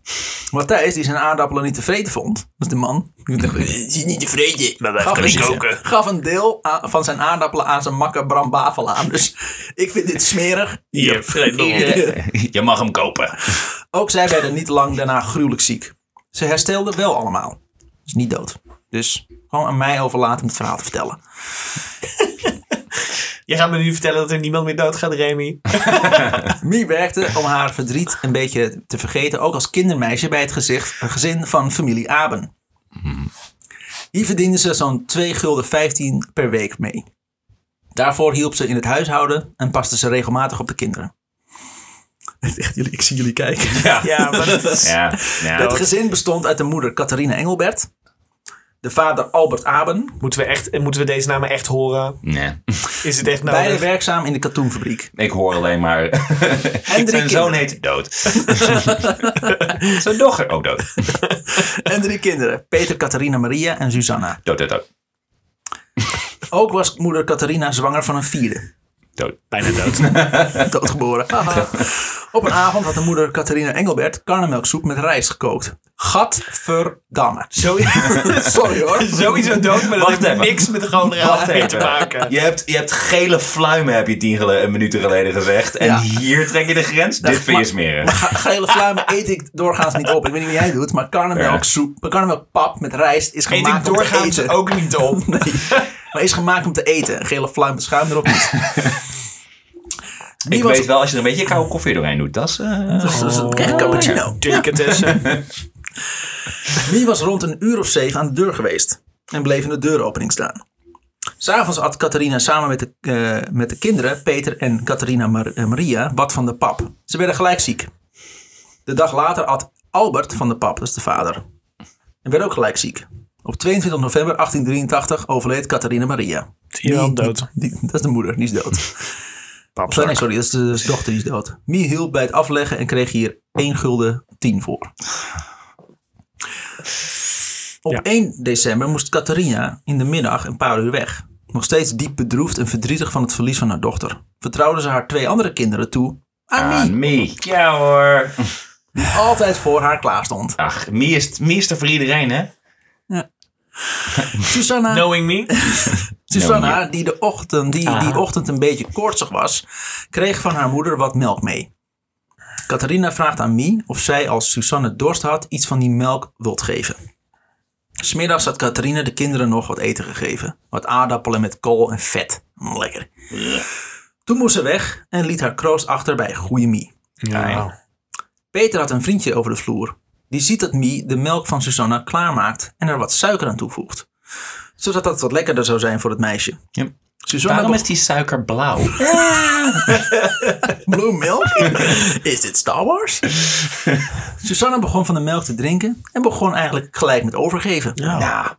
De kat drinkt ook wat van deze melk. En die ging gelijk ook over zijn nek. Hè? En liep toen zwalkend door de kamer. Toen Catharina thuis kwam, Wat? Een kat? Dat vind ik echt zielig. Nou, dat kan echt niet. Een dier dood? Hier Nou, trek ik de grens. Hier trek ik de grens. Ik ben weg, Nu snap ik waarom het een zwart verhaal is. Als die kat doodgaat, dat pik ik echt Maar dat, niet. nogmaals, dat is loopt niemand... door de kamer. Dat niemand dit dus in de gaten heeft, ondanks het feit dat mensen vrijwel direct nadat ze iets hebben gegeten of gedronken van Mie, vrijwel direct ziek worden. ook. Ja, maar dat zeg ik dus. Dat, dat, dat, dat is gewoon normaal in, in in die tijd. hoever, ja, dat is normaal in die tijd. Ja. Maar Ja. fucking hell. Ja, ik bedoel, het zegt iets over hoe ontzettend veel ziekte er op dat moment was. dat ze, dat ze ja. ermee wegkwam. Of dat, dat het niet gebeurde. Nou ja, ik- oké. Eh, ook toen niet. later Catharina thuis kwam, had Mie Susanna haar nacht, nacht- nachtjapon aangetrokken. Mie vertelde aan Catharina dat Susanna een beetje had overgegeven. Een beetje ook, hele huis onder. Klots van de trap af. Ja, maar voor, voor die tijd. Ja, het is een beetje. Het zijn maar twee emmers. medium. Met twee emmers. Medium. Het meisje begon eigenlijk gelijk weer te kotsen. Toen haar moeder haar wat te drinken wilde geven, riep Susanna: Geen melk, maar water! Susanna werd alleen maar zieker. En Catharina vraagt aan Mie of ze een dokter wilt halen. Maar Mie, is, Nee. Maar Mie is te aangeslagen door dit alles. Nee, dat kan ik echt niet. En zegt: Ik kan niet, ik ben te naar van het kind. Oh, ik ben, ik, ben, Oh. ik, ben, ik ben zo verdrietig dat ik hier geen medische experts bij wil. Dat Maar kan ik dan- gewoon niet handelen op dit Oh, maar moment. Ook geen politie of iemand die autopsies zou kunnen doen. Daar ben ik veel te aangeslagen voor. Niet veel later komt er een buurvrouw binnen. Zij treft Susanna aan in de bedstee. Haar wangen waren klam en koud. En concludeert: Dit kind is ernstig ziek. Jo. En naar haar mening moet er zo snel mogelijk, een dokter komen. Yo. Dus vraagt ze aan Mie of ze een dokter wil halen. Nee. Maar dan het liefst naar dokter Brakenburg. Want die woont er. Want dat was nou Brakenburg. specialisme. Brakenburg, ja. Specialist in kots. Misschien kunnen ze dokter Schuimbek er ook bij halen.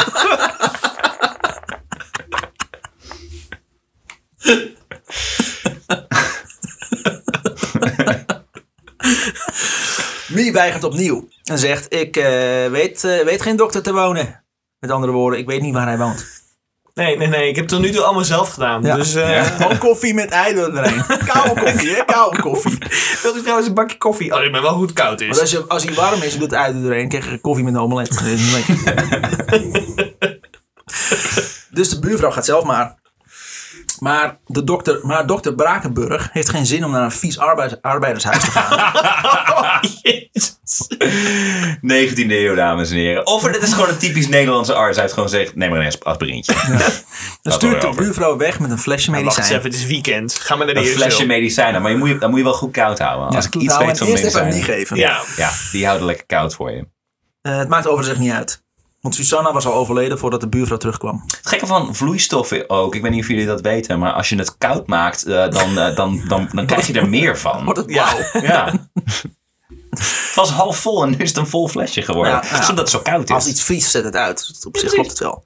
Wie staat voorover gebogen over het lui- luikje heen en fluistert. Wat ben ik blij dat ik je vandaag zo goed heb gedaan.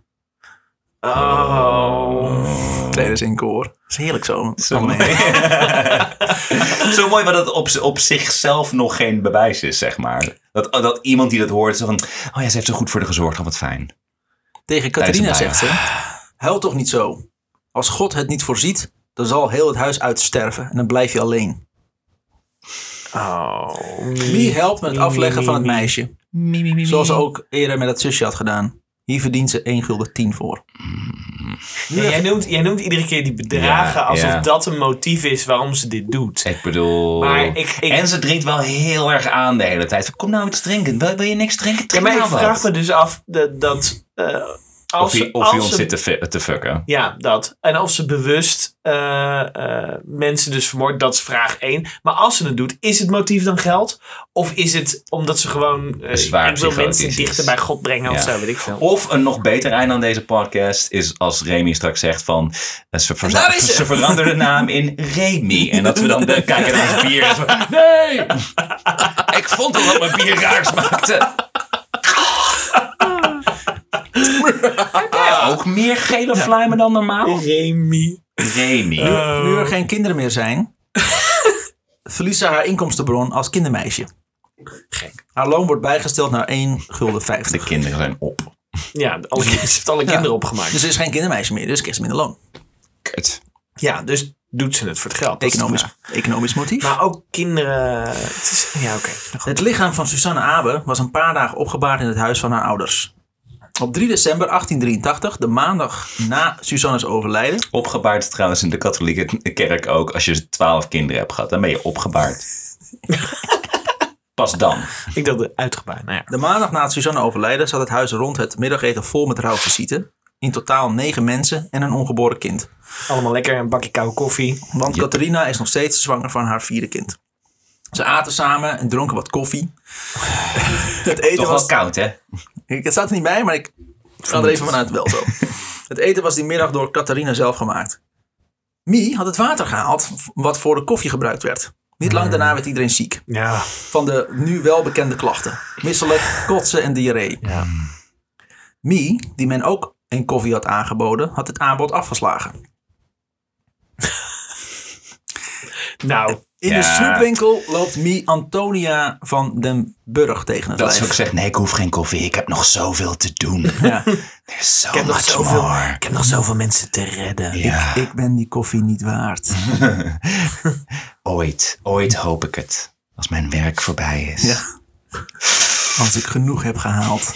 In de snoepwinkel loopt Mie Antonia van den Burg tegen het lijf.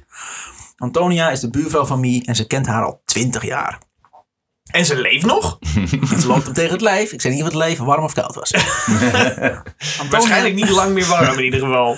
Antonia is getrouwd met Johannes Hamerling. Maar niet lang meer. En heeft drie kinderen. Eén zoon en twee dochters. Ik, heb, ik heb steeds meer de neiging om deze mensen allemaal in de verleden tijd aan te duiden. Ja. Ik had het ook eens geschreven in de hele tijd. Dacht ik, nee. Antonia heeft haast, want thuis had ze haar jongste kind in de wieg achtergelaten. Mie ziet eh, dat ze haast heeft en biedt aan om het kind even te gaan wiegen en op de twee andere kinderen te passen. Nu kan Antonia verder met haar dag en gaan, eh, gaat dankbaar in op het aanbod van Mie. Antonia had die, ik zie Tim nee schudden. Toffe peer die niet. Antonia had die ochtend al wat water op, het, op staan voor de koffie. Ook had ze een emmer afgedekt met een plank waarin de erwten stonden te kweken. Maar waar zetten ze dat water voor op? Koffie. Maar, maar waarom? Ze zet dat Ja. op de koelkast. Maar, wa- maar, fijn, oké. maar waarom maakt ze dat warm? Ja, nee, op de koelkast. Eerst maak je koffie warm en dan laat je het afkoelen. Ah, Precies. Weet je niet hoe je koffie moet dat zetten. Ze kwam ongeveer een, na een uurtje terug. Allemaal dood. Ze, ook Mie. Ik heb het verkeerd gedaan. Ik heb ze koffie gegeven. Dus, eh, Ze biedt Mie koffie aan, maar die zei dat ze haast heeft en weg moet. Nee, nee, we moeten alleen maar even. eh, ze liggen trouwens allemaal boven te slapen. Doei. Er iemand een bakje koffie? Ze belooft later terug te komen voor een bakkie. Antonia, die haar broers en zussen op bezoek heeft, dronken allen wel van de koffie. En werden alle drie gelijk ziek. Ja. Veel kots en pijn. Waarvan dan? Antonia's man, Johannes, nam geen koffie. Met hem was niets mis. Wij zitten, volgens mij zitten we inmiddels in de tientallen, of Ja, het niet? slaat helemaal nergens meer op. En waarom, Tyfus veel. wat ik zeg, waarom is er nog niemand die denkt... Ja, Hmm. ja omdat, omdat, niemand, omdat niemand zich lang genoeg in de kringen van Mie begeeft om, Ja. om Oh, deze dat dit is bij het, elkaar... ja. Ja. precies. Er is iets verdachts aan. Schuim, schuim. Ja. Wacht eens even, er hangen hier helemaal geen Wel foto's. Schuimbek. De volgende dag toen hij op weg was, dus die man, naar zijn werk, loopt hij Mie tegen het lijf. En vertelt haar dat zijn vrouw ontzettend ziek was geworden. Dus gaat Mie, als goede buur, even kijken hoe het met haar gaat. Of ze nog leeft. Antonia geeft aan dat ze wel tapte melk tegen de dorst lust.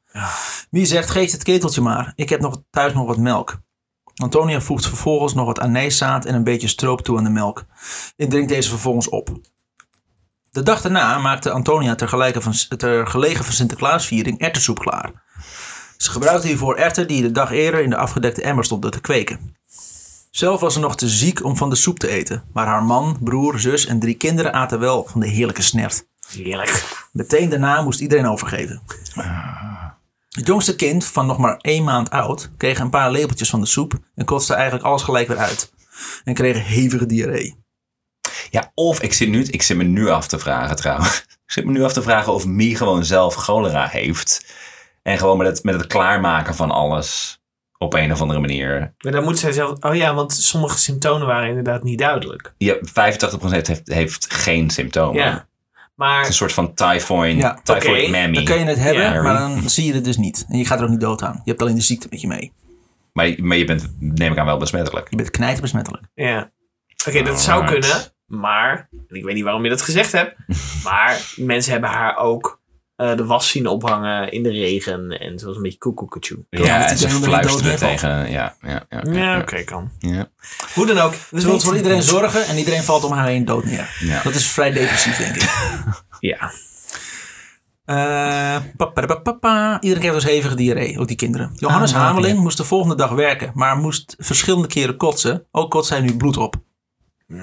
Dat is een nieuwe, nog niet eerder verteld. hey, lekker. Ik, ik, ik, ik hoop al op iets nieuws. Ik hoop heel erg dat we aan het eind van deze podcast horen hoeveel mensen er precies zijn overleden. Want wij hebben het niet bijgehouden. En ook al hoeveel liters kots en stront en, en fluim. Dat, zijn Want statistieken wat ze destijds bijhielden, inderdaad. Dat hoop ik. Iemand overleden? Nou, was de kots? Hoeveel liter? Nou, Ron Vrees, zoals je hier ziet, is de hoeveelheid kots die we gezien hebben, is ongeveer... eh, Dit zwembad hier is... eh, De volgende ochtend besluit Antonia toch maar naar de dokter te gaan. Oké. Ze ging naar de Leidse stadsdokter Wijnand Rutgers van der Loef, die een praktijk had in, aan de Breestraat. Toen Antonia de praktijk van Wijnand binnenkwam, keek hij, in de te- keek hij in tegenstelling van zijn collega's, artsen, wel serieus naar de klachten. En Maar ze zijn arm. Hoezo dan? Een stadsdokter. Oh, ja, maar dan nog. Kun je gewoon heen. Ja, maar arme mensen... En vroeger had je een, socia- een sociale Arme staat. mensen moeten toch gewoon ziek worden en doodgaan? Ik snap het Zou je niet. Ik ben in de war. Waarom zou je arme mensen helpen? Ja. Zeggen wij.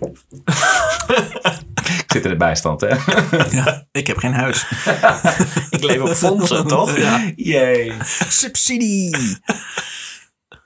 Eh, maar hij keek wel serieus naar de klachten. En kwam eigenlijk maar tot één logische conclusie. Stoephoer.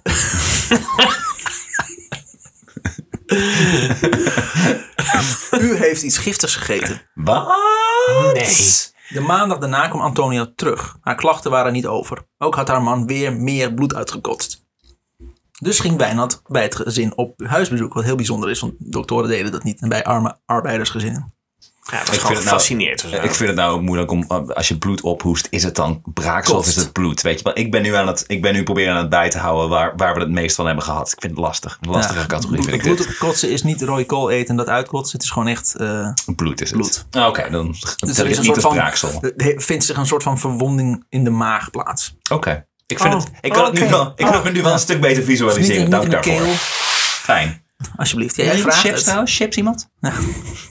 Koffie? Kou koffie iemand?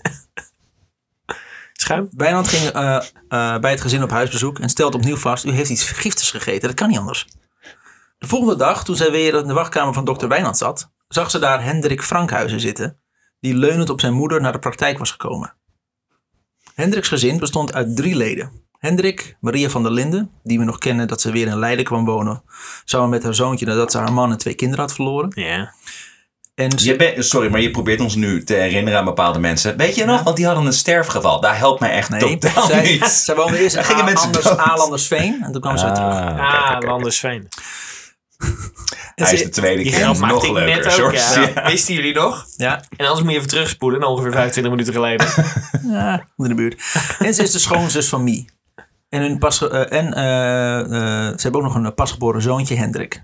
Ze wonen in een bovenwoning om de hoek bij Mie. Ja. Maria had op zaterdag 8 december in de ochtend melk geko- gekocht van een melkboer die aan de deur kwam. En ook wat anijszaad in de winkel van Delarie tegenover hen. Smiddags had het gezin erwtensoep met schapenpoten. En, in de een middag- beetje, en een beetje slijm. En in de namiddag dronken ze de melk met anijszaad die in de koperen ketel was klaargemaakt. Maria deed de restanten van de melk in de ketel waarin ze eerder de erwtensoep was Is gekookt. het die ketel? Nou ja, ik moet ook niet gaan raden. Ik moet ook Ze gewoon... deed er wat eh, gort bij en liet de ketel vervolgens pruttelen op een brandende kachel in de achterkamer. Daarna ging het gezin nog wat boodschappen doen bij de aardappelkoopman Jacobus Gebe. Ze deden de voordeur Hey, niet op slot. Rond half tien. Nee, het kan niet avond. per ongeluk zijn. Rond half tien Nee. in de avond kwamen ze weer thuis. Van de onderbuurvrouw Zitman hoorden ze dat Goeie Mie langs was geweest. Ah, Ze was komen vragen. altijd fijn. Mie is altijd welkom.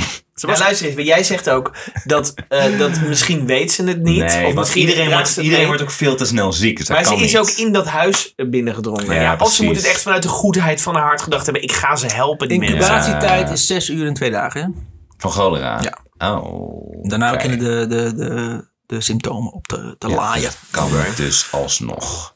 Ze was dus eh, langs geweest bij het huis en ze had aan de onderbuurvrouw Zitman gevraagd of eh, Hendrik thuis was. Om Zijn die met er, een eh, andere buurman geld wilde verdienen om te helpen met vissen. Eh, zijn er getuigen? Eh, zijn er... Hendrik had daar geen zin in en Maria ging naar Mie om dat te vertellen.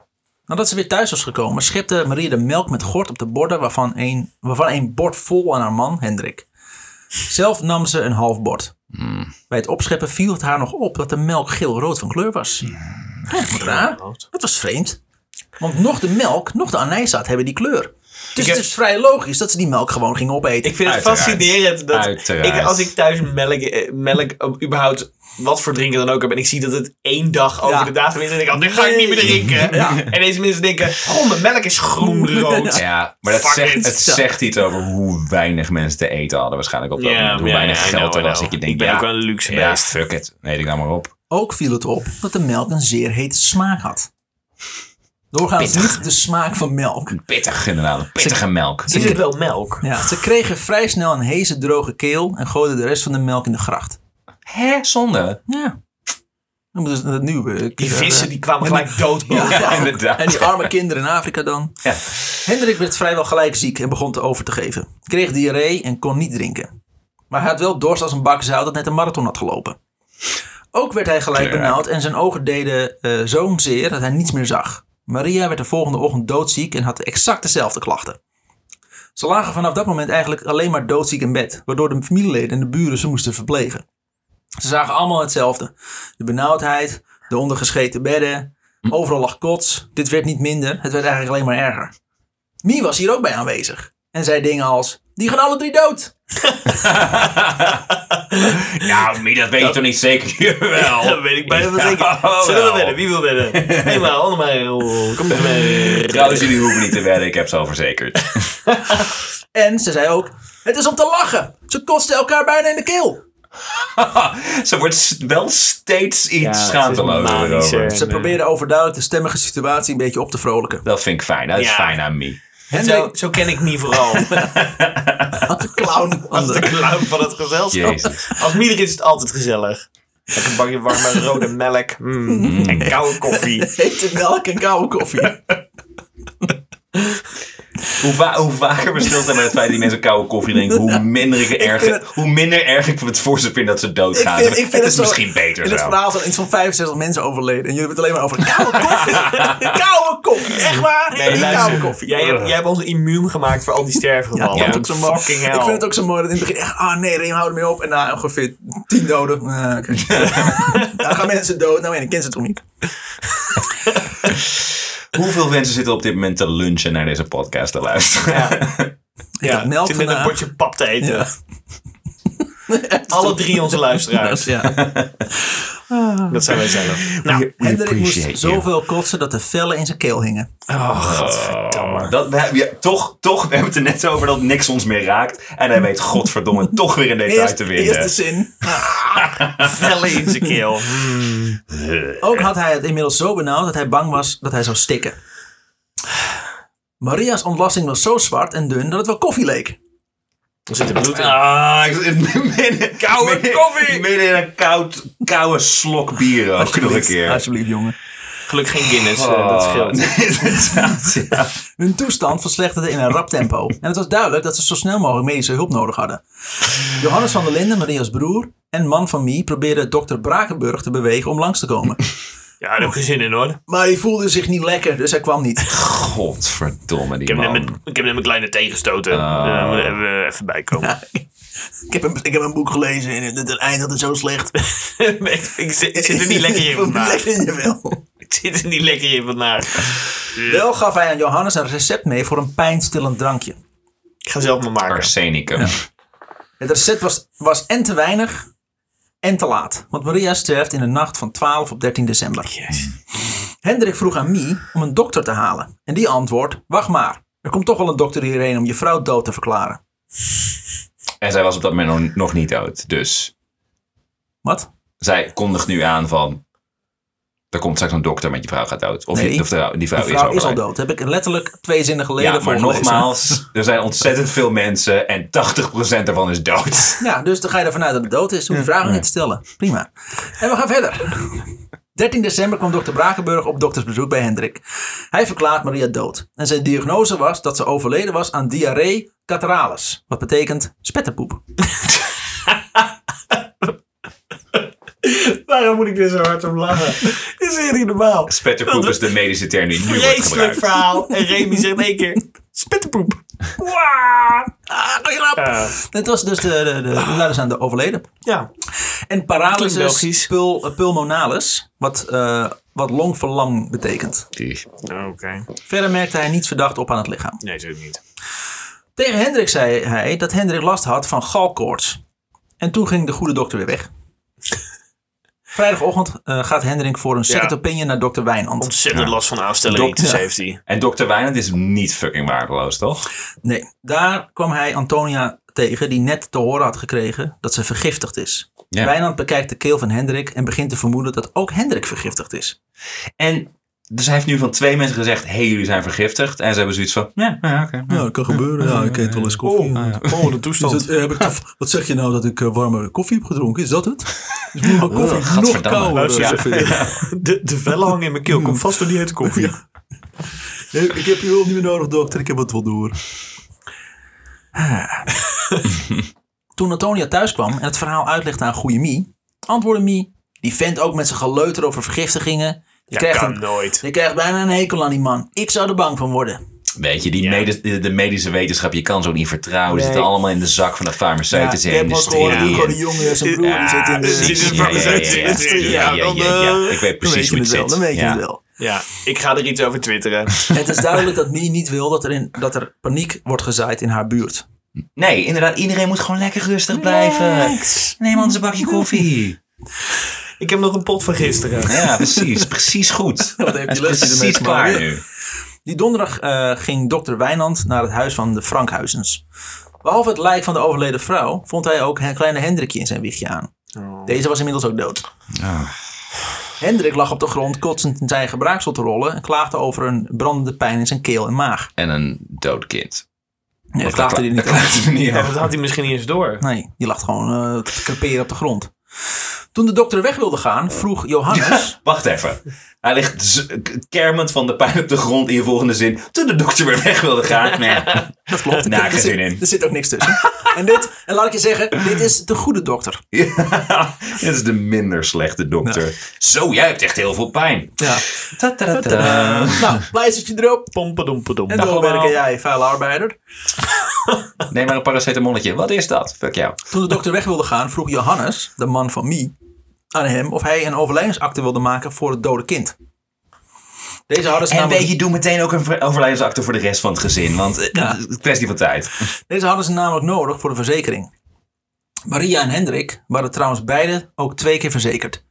Eén keer voor de begrafenis en één keer als appeltje voor de dorst.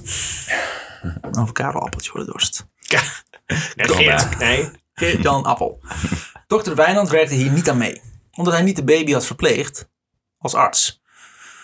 Eh, omdat hij niet de baby had verpleegd als arts. Dus niet kon vaststellen wat de doodsoorzaak zou kunnen zijn. Omdat hij niet bekend is met wat er gebeurd is. Het gekke is, ik ben geen dokter. En ik weet het volgens mij wel. Ja. Niet veel later kwam er nog een derde dokter over de vloer. Een Winkler Prince. Dat is een naam. Ja. Eh Winkler die maakte toch encyclopedieën of zoiets, woordenboeken? Winkler? Winkler Prins.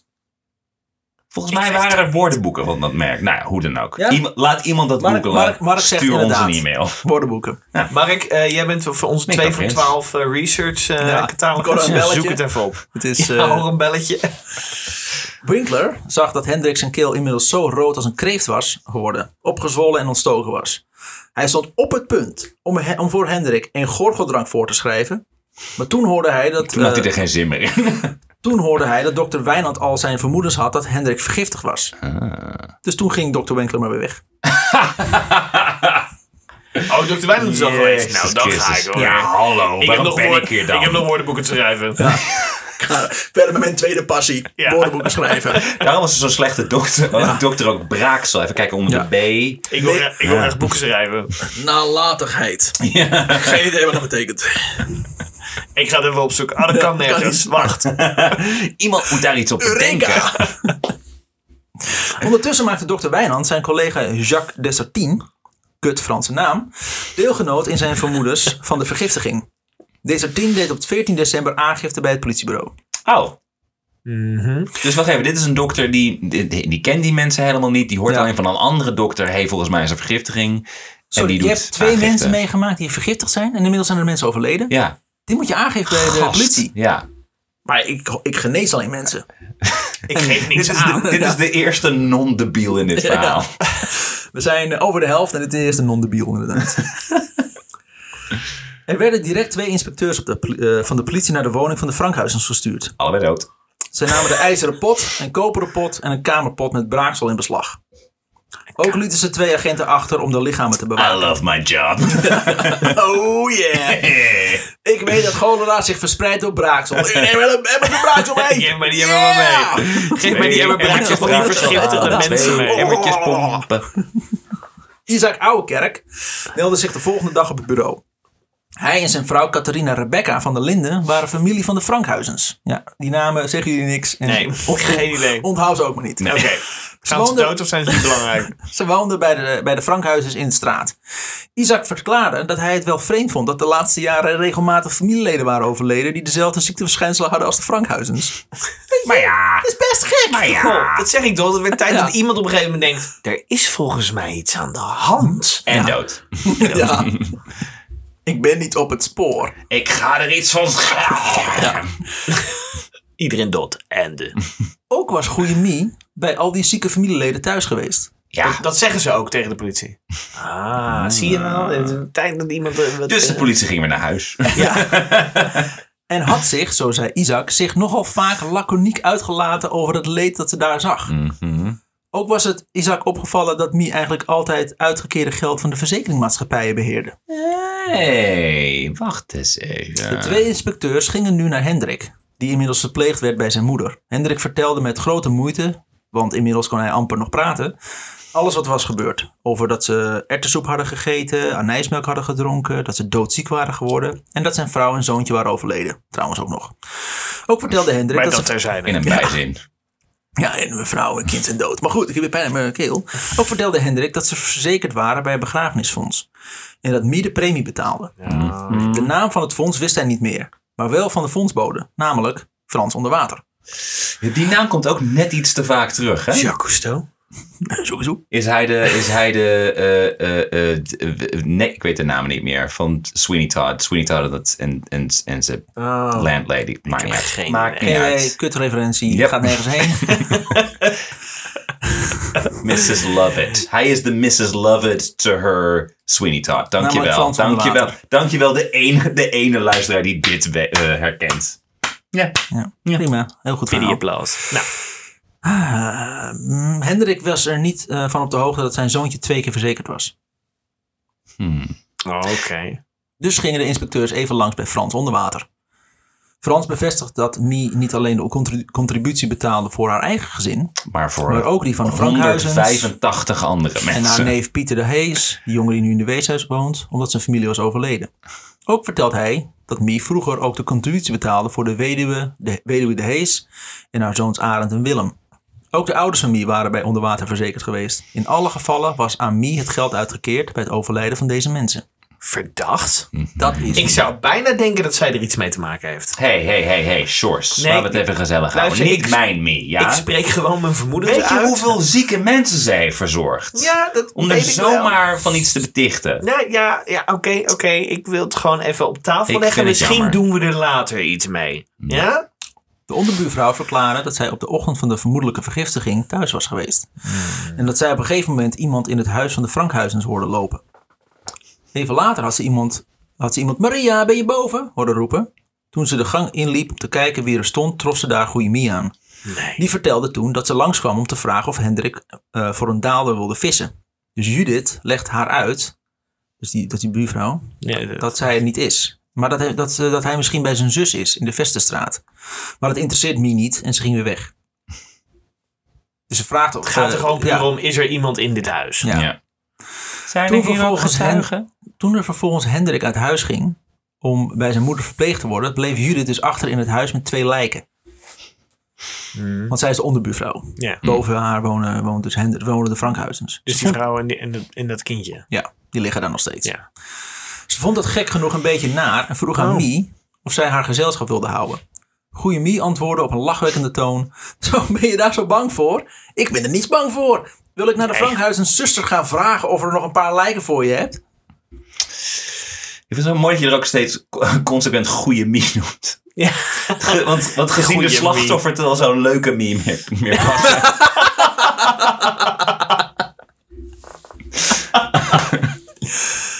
Mie werd als getuige op 14 december gehoord. Ze zei dat ze inderdaad bij de Frankhuizens aan de deur was geweest. Om te vragen of Hendrik wat wilde verdienen met vissen. De familie was niet thuis en Mie ontkende dat ze boven was geweest. Ook zei ze dat de familie eh, Frankhuizen niet goed kende. En hooguit daar een één of twee keer per jaar over de vloer kwam. Wat gek is, want ze schoot namelijk de verzekeringspremie voor. Dus er zou juist sprake zijn geweest van intensief contact. Ja, het, soort- het, je- je- het lijkt wel alsof je gewoon iedereen maar kon verzekeren. Daar lijkt het op, hè? Ja. Ja. Ja, Omdat er lijkt nog-. Omdat er nogal hevige vermoedens waren dat Maria van der Linden en haar zoontje Hendrik door vergiftiging om het leven waren gekomen, werd besloten om sectie te laten verrichten. Sexy. Ja, Mm, yeah. Yeah. Koude lijven, hou ik van. Net als mijn koffie. Ik wil mijn vrouwen net als mijn koffie. Koud. Koud. De lichamen werden op 14 december Sexy. 1883 naar het anatomisch kabinet gebracht.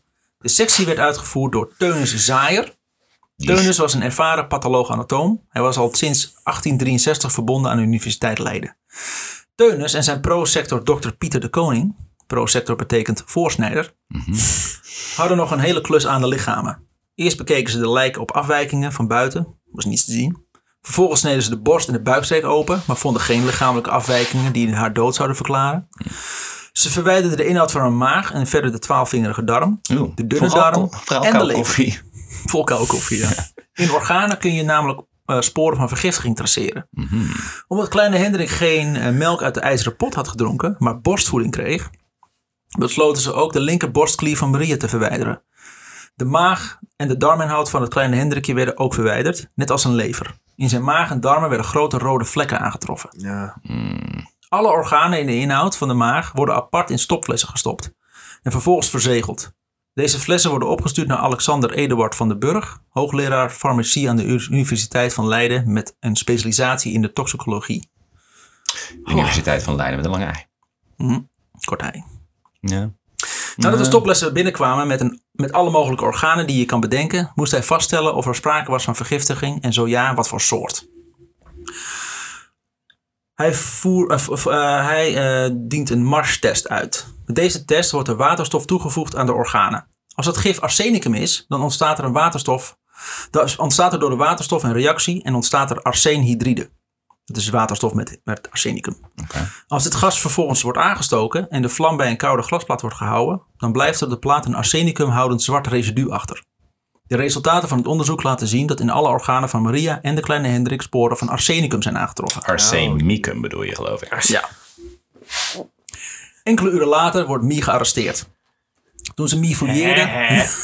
Mag ik het even zeggen? Ik verwacht, ik verwacht er nu namelijk nog dat ze, dat ze zeggen: God, al die mensen hebben arsenicum in in hun systeem. Ja, gaan- laten we, we- zullen, we zullen het misschien nooit weten. Laten we eerst aan Mie vragen wie Ja. zij denkt dat het gedaan zou kunnen hebben. Inderdaad, wie wil je ons, ons anders helpen? Heb je een idee? Jij bent altijd zo behulpzaam. voor mensen. Goeie Mie. Enkele uren later wordt Mie gearresteerd. Toen ze, bij, toen ze Mie fouilleerde, vonden ze een papier gewikkeld inschrijvingsbiljet voor een begrafenisfonds op naam van kleine Hendrik. In het huis vonden ze nog meer bewijzen van inschrijving, zogenaamde fondsboekjes. Op het moment van de huiszoeking kreeg Mie wel een beetje door dat het niet lang meer zou duren voor de hele zaak aan het licht zou komen. Yo. Haar fondsboekjes waren in beslag genomen en het was duidelijk dat de politie een vermoeden had dat het om het verzekeringsgeld ging. Ze stuurde dus haar man Johannes naar de fondsbode van de Worm. Johannes moest hem vragen, Johannes de man van Mie, Johannes moest hem vragen om de verzekeringspapieren van de familie Frankhuizen niet aan de politie te geven. Volgens mij is het daar inmiddels te laat voor. Toen Johannes bij het huis van Van der Worm kwam, was deze niet thuis. Wel was diens vrouw er. Dus hij vertelt die vrouw dat er bij hem en Mie een huiszoeking is geweest, dat Mie is gearresteerd. En hij verzorgt haar niets tegen de politie te zeggen over de verzekering die, van de familie Frankhuizen.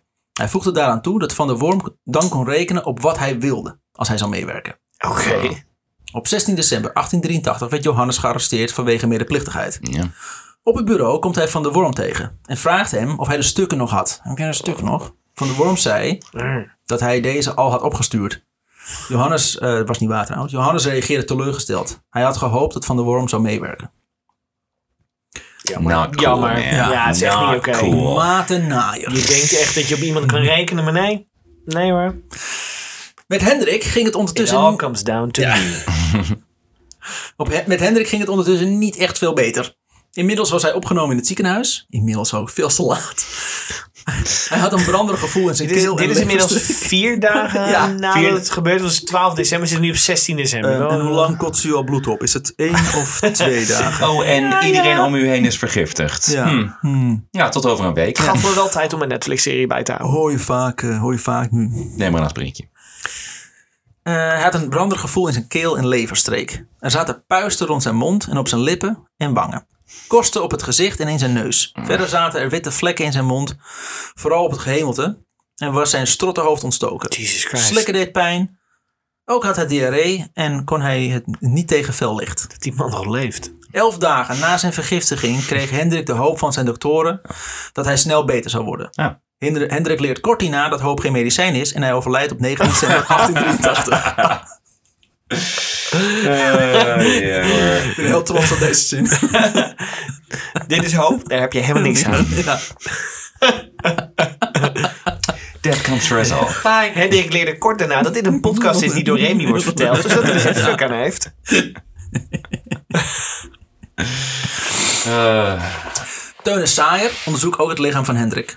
Ook hier wordt vastgesteld dat hij door arsenicumvergiftiging om het leven was gekomen. joh, Nou. Omdat er meer verdachte overlijdingen in de directe omgeving van Mie waren voorgekomen, besluiten ze om al deze lijken één stuk, eh, een stuk of dertien op te graven en te testen op de aanwezigheid van arsenicum.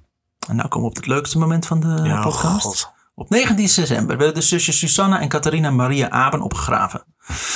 De valde- vader, Albert Aben, kon op 21 december de lijken identificeren. De meisjes waren slechts enkele weken daarvoor begraven en nog goed te herkennen. Al kropen er wel in de slokdarm, liesplooien en geslachtsorganen maden rond. Here we go. Oké, ja. te zeggen. Dit moet voor de vader een hel geweest zijn. Ja. Goh, denk je, Remy? Joh. Cornelia de Hees van der Linden en haar zoon Ah. Arend werden op 26 december opgegraven. Willem volgde een dag later. Ze waren alle drie al ruim twee jaar begraven. En de Hey, lichamen waren ook in een oh. verre staat van ontbinding. Ik wil zeggen, ik bedoel, je gaat toch niet... Ik wil wel weten hoe het met een geslachtsorganen gaat nu. Ja, de wanden van Arends kist waren blauw-zwart. Op de bodem lag een, een laag dun zwart vocht waaruit een walgelijke reelachtige stank opsteeg. Remy, luister eens. Ik ga, ik ga een beetje schuimbekken van deze podcast. Ik ga een beetje, ik heb een beetje kort ademen. Oh. Pieter moest de lichamen identificeren. Hij liep na zijn vergiftigingspoging nog steeds op krukken. Dat is de enige jezus. overlevende broer. Het lichaam van Arend was niet meer te herkennen. Was niet te herkennen. Delen van zijn gezicht, hals en nek waren al verdwenen. Het lichaam verspreidde de rioolgeur die ook in de kist te ruiken was geweest. Het lichaam van zijn moeder was ook al behoorlijk aangetast. Haar hoofdhaar was geschimmeld. Oh, Jezus Christus. De top van haar neus was verdwenen en haar oogleden waren diep ingezonken. Vreemd genoeg was haar linkerarm gemummificeerd. Hè? Oh, Oké. Pieter herkende ondanks, on- ondanks dat alles zijn moeder meteen. Ja, Dan ligt hij in een lijk. Ja, dat is Typisch haar. Dat is Ja. typisch mijn ja, moeder. ja, ja, ja. Dat, zo ziet het er altijd uit voor de make-up. het lichaam van Willem was eigenlijk het ergst aan toe. Daar was eigenlijk niet veel meer van over, behalve dan een geraamte. Oh, oké. Godzijdank. Alsjeblieft. Op 2 januari 1884 werden de lichamen van Johanna Maria Oosterburg en Willem Fuchs opgegraven. Johanna werd eh, geïdentificeerd door haar man Dirk van der Linden. In de kist van Willem Fuchs werd een grote hoeveelheid zwartachtig vocht gevonden, waar een rioollucht van afkwam. weer dat. Ja. Het lijk lag eh, voor een groot deel in dit vocht en kon niet meer herkend worden. Een dag later werd het zoontje van Willem opgegraven, samen met het lichaam van Lambertus van der Linden. Een kleine week later, op 9 januari, werd het lichaam van Mies zus Petronelle Johanna Zwanenburg opgegraven. Op 10 januari werd haar man Johannes Lepelaar opgegraven. Het lijk van de vader van Mie werd dezelfde dag opgegraven. De dag daarna het lichaam van de moeder van Mie. De twee, broer- eh, de twee broers van Mie identificeerden de lichamen. Twee agenten die bij alle opgravingen van 16 lichamen aanwezig waren geweest, Zijn volledig getraumatiseerd. Ja. kregen van de politiechef grati- gratificatie. Welke hij aanvroeg bij de burgemeester omdat zij, en ik quote, bij bijna gehele dagen op de kerkhoven dienst gepresteerd hebben onder het genot van de heerlijke odeur welke uit de graven opsteeg. De heerlijke odeur. Een fucking sarcastisch eh verslagje dit. nu van Chanel 5. Heerlijke odeur. Mede mogelijk gemaakt door Mie. Ze hadden weer grafdienst. En probeer ook Douwe Egberts koud. ja. IJskoffie. Nou weet je waar de frappuccino vandaan komt. Het rapport van al deze lijkschouwingen was zo groot dat het maar liefst 200 pagina's telde. Man. Mie ondertussen, ondertussen zittend in een Leidse cel wordt op 16 december 1883 verhoord door inspecteur Rinse Pronk. Die haar goed onder druk zet. Pronk stelt namelijk dat Mie simpelweg bij de familie Frankhuizen naar binnen is geweest en iets in een pap, pap had gedaan. Ja. Maar Mie bleef volhouden van niets te weten. En helemaal niet boven is geweest, maar beneden was gebleven. Dus brachten ze haar... Nee, ik eh, was veel te druk met het vergiftigen van van, andere van andere mensen. ja. ja. Nee. Ja, oké. Hallo, ik heb maar zoveel uren in de ja, dag. Ik geef toen ik vergiftigd heb, maar hun niet. dus brachten ze haar raar. terug naar haar cel om haar quote aan haar geweten over te laten en er nog eens goed over na te denken of ze niet gewoon de waarheid wilde gaan vertellen. Ja, ja Mie, Dat kom op. ook. Denk jij nou maar eens even goed over na wat je Ja, gedaan alsof hebt je een klein de kind- afgelopen jaren. Alsof je een klein kind op de trap Ja. zet. Ja. Ja. Oma vergiftigd, denk maar eens goed over na. Ja, Ja, maar het is een vrouw en dat was in die tijd hetzelfde voor mannen, zeg Ja. maar. oké. dat Als je met een vrouw praatte, dat was een klein kind. Klopt, voor- klopt. De volgende ochtend bekende ze dat ze wel boven is geweest. En misschien Oh. per ongeluk wat peper in de pap had laten Ja, vallen. ging was Jezus, ik wel ik bedoel, boven. ja. Oké, nu, nu het er zo over begint, ja. Ja. Maar misschien Het gewoon was wat flauw. ja, per ongeluk wat peper in de Ik pap heb laten flikkeren. inderdaad ingebroken en ik heb iets in eten gedaan waar die mensen die daarna ervan hebben gegeten wel Want- vrijwel meteen zijn overleden. Oké, u- Ja, maar u zei toch dat de pap heet was? Ja, dan is het peper geweest. ja, ik precies. heb. Ja, ja. Later op de dag zegt ze dat ze in plaats van de peper chloor in de pap had gedaan. Oh ja, nee, sorry, nee, het was toch chloor, maar het was sowieso geen arsenicum. Sorry, dus, hoe, hoe spel Ik je, was even in de war. hoe spel je peper ook alweer? Ik kan niet spellen. of ja, CH. chloor, het was verarmd uranium, maar het was zeker geen arsenicum. Oké, het was wel arsenicum. Het was vooral arsenicum. Ja. Ja. Ik heb, ja, Bij een derde verhoor vertelt ze dat ze een lening had bij haar schoonzus van 7 gulden. En dat ze niet wist hoe ze deze moest terugbetalen. ze dacht namelijk dat Maria niet over het geld zou beginnen als ze ziek geworden zou zijn. Oh, dan is het goed. Mevrouw Mie, sorry voor dit onbegrip. U kunt gaan. Ja. Ik wens u nog een hele fijne dag verder. En nogmaals excuses voor en het als ze ongemak. dood Ja. is, begint ze er nooit meer Ik, over. eh, u kunt mijn klachten verwachten. I want to talk to your supervisor. Nadat ze had gezien dat ze ziek waren geworden, probeerden ze nog wel een dokter te halen. Ene Hendrik Boeze-Wils, gewoon overduidelijk voor zo'n naam, die had gezegd, natuurlijk kom ik. Dat is immers mijn werk. Wacht, arme mensen, ik hoor opeens dat ik vandaag een begrafenis heb. En hij wilde dus niet komen. Yep. Mede mogelijk gemaakt door Mie. Ja. Dus waren ze naar dokter Brakenburg gegaan. Maar die had daar ook geen zin in. Die wilde was ook niet vakantie. komen. Arme mensen. Fuck dat. Maar had de wel krijgen. medicijn meegegeven. Wie blijft wel Toch wel volhouden, lekker koud, hoop ik. Wie blijft wel volhouden niet de Frankhuizens te willen hebben vermoord. Te willen hebben vermoord ook. Inmiddels is het... Ja, nee, oké, ik- misschien heb ik het, maar dat heb ik dan niet willen doen. Ja. Oké, ik wilde Oké, het ik wilde ook. het wel, maar... Het was gewoon een uit de hand gelopen foutje. Ah, kan gebeuren, toch? Ik liep Ja. toevallig met mijn flesje arsenicum langs die pot. En toevallig Luister. viel die uit mijn Oh, hand. luister, meneer agent, als u zoveel mensen vergiftigt als ik, ja, dan, eh, dan maak je af en toe fouten hier en daar. Wel gaf ze toe dat ze inderdaad twee verzekeringen voorschoot voor de familie. En dat de familie ook regelmatig die contributie aan haar terugbetaalde. Toen een van de inspecteurs vroeg waarom ze dit in godsnaam deed, terwijl ze zo arm was, antwoordde ze: Ik wist niet dat er zoveel te halen was.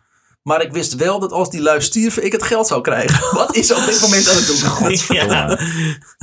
Nee, luister, ik, ik deed niet om het geld, maar ze hadden er wel heel veel van. Ja. En, eh, En ik zou er enorm hebben. van profiteren. Oké, ik versloot die verzekering af, maar ik wist niet dat die verzekering uiteindelijk veel geld zou uitkeren. Wat ik wel wist, is als ze dood zouden gaan, ik heel veel geld zou krijgen. Ja. Dat zegt ze eigenlijk. Maar dat wil nog niet zeggen. Ja. Kijk, ik heb ingebroken en ik heb een chemisch goedje in hun eten gedaan. En ze zijn meteen daarna overleden. Ja. En ik heb er heel erg van geprofiteerd. Ja. En ik wist dat Ja. van tevoren. Oké. Maar dat wil niet zeggen. Nee, dat wil ik zeggen. Dat kan je niet zeggen dat je dat expres deed, toch? Nee. Tijdens ditzelfde verhoor gaf ze ook toe Pieter de Hees te hebben vergiftigd. Per Oh, ongeluk natuurlijk. Ze zei dat ze, dat ze chloor door zijn eten had gedaan. Ook had ze zonder dat Pieter het wist, drie jaar eerder hem zonder zijn medeweten te hebben verzekerd. maar waarom, Zonder zijn Waarom- medeweten ook. Ja. waarom chloor? Waarom zeggen ze de hele tijd chloor? Het was waarschijnlijk toch geen chloor? Als laatste bekend Denkt ze zij de, op een of andere manier dat dat minder erg is? als laatste bekend ze de moord op Susanne Abe. Hier geeft ze toe arsenicum te hebben gebruikt. Nou, hè, hè. Moet aan mij vragen wat er Wat gebeurde. Wat, wat, tyfus. wat dacht ze dan? Dat weet ik veel. Ja, jij hebt dit verhaal. Ja. Komt, kom, dan moet je gewoon luisteren. Doen we toch. Johannes werd vrijgelaten en niet meer verdacht van medeplichtigheid, want hij was een man. Dat kan hij gedaan hebben. Nee, Ja, vrouwen, zo zijn ze. Ja. Uh, Eens in de maand worden ze gek, gaan ze mensen vergiftigen. Kun je niks, daar kan hij toch niks aan doen? Ja. Voor hem is het ook zwaar, ja. Ja, absoluut, ja. Want als er zoveel mensen vermoorden, dan deed ze waarschijnlijk niet zoveel in het huishouden. Komt hij thuis van zijn werk, staan de aardappelen in het portefeuille. Ja. Misschien ook wel beter, want ze waren groen, geel en rood. Mie werd nog een paar keer verhoord, maar echt consequent in haar verklaringen was ze niet echt. Ze vertelde bijvoorbeeld op 24 december 1883 dat ze niet chloor had gebruikt, maar een geel goedje had gekocht bij een drogist aan de Hoge Woerd in Leiden. Dit gebruikten ze om ongedierte te bestrijden. Dit poeder moest, moest ze, zo legden ze uit, nog door kalk mengen. Maar de drogist deed dit niet altijd even zorgvuldig. Dus kon ze nog wat van het gele poeder afscheppen. En dit had ze dan in een kopje gedaan. Dat kopje had ze meegenomen naar het huis van de Frankhuizens. En daar had ze zonder goed na te denken wat van het poeder in de pap gedaan. Maar, maar het Wat is jij net goed zegt. na te denken. een per ongeluk. Ja. Toen ze besefte wat ze had gedaan, gooide ze het kopje kapot op straat. Ook gaf ze toe dat het verhaal over die lening een leugen was. En dat ze geen vijandigheid voelde naar de familie. Oké. Oké. Jezus. Het gele goedje waar ze het over heeft is oppersum. Wat een gif is waarvan het bestandsdeel arsenicum is. Men gebruikte dit tegen, tegen dier, ongediertebestrijding door aan de binnenkant van het, muur, eh, van het huis op de muren te smeren. Kijk. Een drogist was bij wet verplicht dit vermengd met kalk te verkopen. Hetgeen wat sommige drogisten dus niet deden. Lekker. Op 29 december 1883 verklaarde Mie dat ze het poeder op vrijdag 7 december had gekocht. En de pot met het mengsel van, het, eh, van poeder en kalk op de binnenplaats had gezet met een plank erop. Omdat ze bang was dat kinderen het zouden aanraken. Ja, je wilt toch niet dat er kinderen overlijden door jou toedoen? De Kun je dag- jezelf nooit ja, vergeven? ja, ik wil niet dat ze indirect door mij vermoord worden. Ik wil Niet dat direct indirect. doen. Ja. Al bewust. Als ik Anders- het dan doe, doe ik het bewust. Ja, anders telt het niet. De dag daarna was ze dronken, omdat ze weer eens aan de drank zat. Ja. Toen is ze met een kopje gif naar het huis van de familie gegaan. Toen aan het begin van 1984 sloeg alles om. Mie was namelijk van plan om de waarheid te gaan vertellen. Dit was een goed, neem, goed voornemen dat ze had genomen. I've Ja. come to Jesus. ik ben herboren. Ze verklaarde aan de rechtercommissaris dat Hendrik, terwijl hij met Maria, Maria verloofd was, Mie had verkracht. Oh. En na het huwelijk ging hij hier vrolijk mee door. Ook eiste hij dat, geld hem, eh, dat Mie hem geld zou geven. Mie hield dit natuurlijk voor haar man geheim, want ze was bang dat hij hier een mening over zou gaan krijgen. Hij zal er vast iets van vinden. Ja, straks vindt hij er wat van. Ja, want dan is het natuurlijk haar schuld. Ja. Want dat is de Hendrik was 19e eeuw. overigens een kut-echtgenoot van Maria geweest. En ook kwam Mie erachter dat Hendrik achter de dood van veel van haar familieleden zat. Die allemaal onder verdachte omstandigheden opeens waren overleden. Eh, Ja, ja, ja, ja. Dus weet het niet hoor. nou, dat klinkt als een zeer overtuigende... Ja. Nee, alles, het verklaart alles. Ja. Het verklaart alles. alles. het is ook zo dat ze... Einde Dat ze verhaal. het vreemde is natuurlijk wel dat ze, dat ze er lang gewacht mee heeft om dit verhaal uiteindelijk Ja. te vertellen. Ja, ze was Ja. bang. Ze was Want- bang voor... En dat ze ja. eerst eigenlijk toegeeft dat ze eigenlijk de- iedereen zelf heeft vergiftigd. Maar opeens wordt ze wakker. het is Opeens een nieuw is jaar. het- Het, is 1 januari. Ja. Laat ik eens de waarheid gaan vertellen. Ik was, Goed eh, voornemen. Ja, het was gewoon hij. Ik, eh, ik zat gewoon helemaal onder de plak. Plak dus vanwege dit alles heeft ze de pap vergiftigd. Ze wist trouwens ook dat Maria waarschijnlijk geen pap eh, mocht eten van Hendrik. Dus die zou dan veilig blijven. Oh, en eh, ze was dronken tijdens dit alles. Oh ja, Dat ook. heb ik ook gezegd. Maar als jullie dit niet geloven, Nou, en, ik was eh, wel dronken. Ik, was, eh, ik werd gedwongen, ik was ontoerekeningsvatbaar en ik En, was er niet. En ik was... eh, Nee, ik, en het ik was maar een geen, droom. Ik weet geen goede mie. En de brug stond open. Ja. En, eh. Ik heb, ik heb elk alibi een excuus. Ja. Deze verklaring zou ze in februari weer half intrekken. Ja. Ze hield nog Half wel, ook. Ja, ze hield nog wel vol dat Hendrik en zij zelf het met elkaar deden. Maar dat Hendrik haar geleerd had hoe je mensen moest vergiftigen. En dat hij dat ook een paar keer had gedaan. Fucking makkelijk. Jezus. Het fucking is een heel eh, normaal woord in uh, Ja. Leiden destijds. Ja, Ja. en, een, en een veel voorkomende achternaam kennelijk. Ja. Fucks is dat. Fucks, sorry. Toen Mie in het huis van bewaring zat, is Johannes één keer langs geweest met de kinderen. Een medegevangene zou tegen Johannes hebben gezegd dat hij, dat hij een knap man was. En dat als hij vrij zou Oh. zijn, ze wel eh, bij hem zou willen huishouden. Oh yeah. Mie, die het hoorde en niet bepaald gecharmeerd was, had geprobeerd om het loodwit van een spiegel af te krabben. en dit in de koffie te doen van de vrouw. Zij is echt fucking Hannibal Ja. Lecter. Dit zou de laatste vergiftigingspoging van goede Mie worden. Ah. Oh, jee. En, en heeft, heeft hij zijn dood heeft ze het overleefd? Die, of, oh, Oké, sorry. Uit onderzoek zou naar voren komen dat Mie meerdere verzekeringen had afgesloten bij haar slachtoffers. Sommigen wisten Maar dat hiervan. moest ze, hè? Dat moest ze van de man. Ja. Ja, moest van Hendrik. van Hendrik inderdaad. Je hebt gelijk. Die ja. was niet een man, maar de, Nee. maar de zwager. Ja. Zonder dat die mensen hiervan wisten. De fondsbodes vonden dit prima.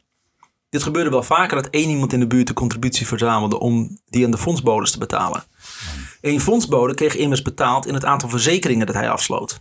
Dus die 2000, verder mag zeggen. Ja. 2000 Ja. polissen was een minimum om te, goed om te kunnen rondkomen. Niet eens goed te kunnen leven, nee. 2000 was minimum om, Dat is toch best veel. om te kunnen rondkomen. Stiefes. Ook stopte eh Mies er vaak wat geld toe als er weer eens een polis kwam innen, omdat er iemand was overleden. Ja. Mhm. In totaal heeft zij het astronomische bedrag van zo'n 313 gulden 50 verdiend. Jezus. Dat zal voor die tijd fucking veel zijn. Wat destijds een jaarsalaris was. Ja, no, het is helemaal niet zo heel veel dus. Nee. Gezien het feit dat ze zijn de 85 hoeveelheid mensen, mensen die ze vermoord heeft. Ja, er zijn, er zijn verhalen dat ze duizenden, du- duizenden guldens hiermee verdienden, maar dat is niet waar. Het is, een heel, het is gewoon een jaarsalaris eigenlijk. Jezus. Ondanks dat, eh, dat er een berg bewijs was tegen Mie, zou het nog een jaar duren voordat het proces tegen haar begon. Dit kwam van was te veel. ja, een hele berg. Te veel. in- Ja. Dit kwam voornamelijk omdat het lijk van Arend de Hees zo ver heen was dat hij niet geïdentificeerd kon worden. Eh, wel vonden ze in wat er nog over was arsenicum. Maar ze wisten niet precies of ze wel de juiste kits- kist hadden opgegraven. ja, maar wat, en die andere 35 lijken. Ja. Ik bedoel, wat maakt hij dan nog uit? Je moet kunnen Ze moeten voor iedere moord eh Een proces veroordeeld kunnen ja. worden, zeg maar. Ja, je kan niet zeggen, oh, nou, er zijn er 15, we, we, we, we verlagen je aan voor 15. Als er niet eh, bewezen kan worden dat ze dat gedaan heeft. Als ze niet zelf het heeft eh, bekend, dan komt het voornamelijk op Oh, neer. en ze heeft er eentje bekend en die, en die is te ver heen. Ehm, ze wisten dus niet of ze wel de juiste kist hadden opgegraven. De administratie van een kerkhof was nou niet bepaald super fantastisch. Letterlijk zo. Dus, eh, ja, sorry, maar onze administratie is gewoon niet super fantastisch. fantastisch. Ja, wat een, wat exorbitant woord voor deze tijd. Ja, Zolang er geen zekerheid was dat de kist die ze hadden opgegraven ook de kist was van Arend, konden ze niet overgaan tot het proces.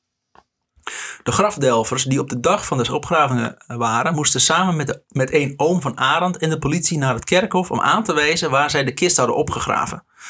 De, de oom gaf aan dat, ze, dat dit inderdaad ook de plek was waar, Arend, waar ze Arend hadden begraven. Ook lag er geen extra kist eh, in, in dit graf. Dus moest het echt Arend zijn geweest. Oké.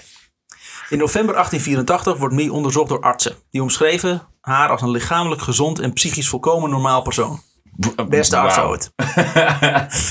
De psychiatrie was op dat moment ook nog niet zo heel ver. Maar ze eh, zeiden echt... Diezelfde arts was tevens de huisarts van Donald Trump, toch? Volgens mij, als je in die tijd, als je in die tijd niet meer je eigen scheid zeg maar, naar de dokter gooide, was het ja, psychisch in orde. Ja, psychisch orde kan, eh, kan weer leven. Ja. Oh, dat is best goed. Of ze, of ze hadden zoiets van, ja, het is, is, eh, ze is hysterie, ze is hysterisch Typisch krankzinnig. een vrouw. Dus een, dus een, Typische vrouw. een gezonde vrouw. Ja. Ja. Ze zeiden wel echter dat Mie met de waarheid omging alsof die niet bestond. Ja. Haar antwoorden en Maar, maar, maar, maar los daarvan, psychisch totaal normaal. Ze heeft, ze heeft geen enkele band Ja. met de realiteit. Zoals een vrouw. Totaal Zoals een normale vrouw. Ja. Haar Jezus. antwoorden en verhalen waren erop gericht de indruk te wekken dat ze haar handeling bewu- onbewust had uitgevoerd. Ze was bewust breed, breedsprakig om haar ondervragers te vermoeien. Hmm. De artsen omschreven haar als een bijzonder ongevoelig en medogeloos persoon. Maar voor de rest, super normaal. Kon ouwe hoeren als een motherfucker. Uiteindelijk zou ze aangeklaagd worden voor vier moorden. Van Vier de... maar 400. Van de waar ik nog op Ja. ga komen. De moord op Arend de Hees in 1881.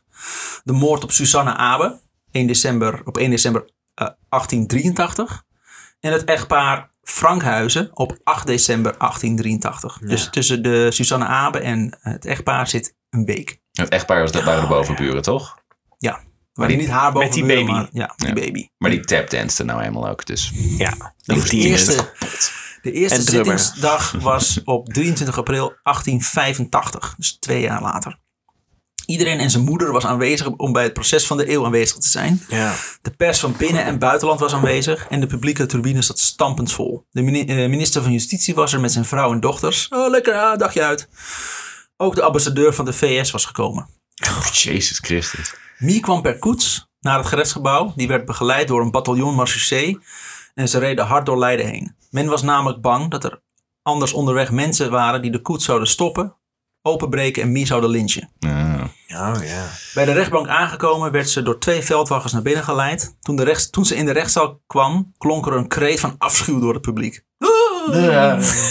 Typische oude serie. eh. Wat is zo leuk, De voorzitter eh, was meester François. Voor hem stonden potten vol met ingewanden en orgaan- organen. Nam hij ook overal mee naartoe.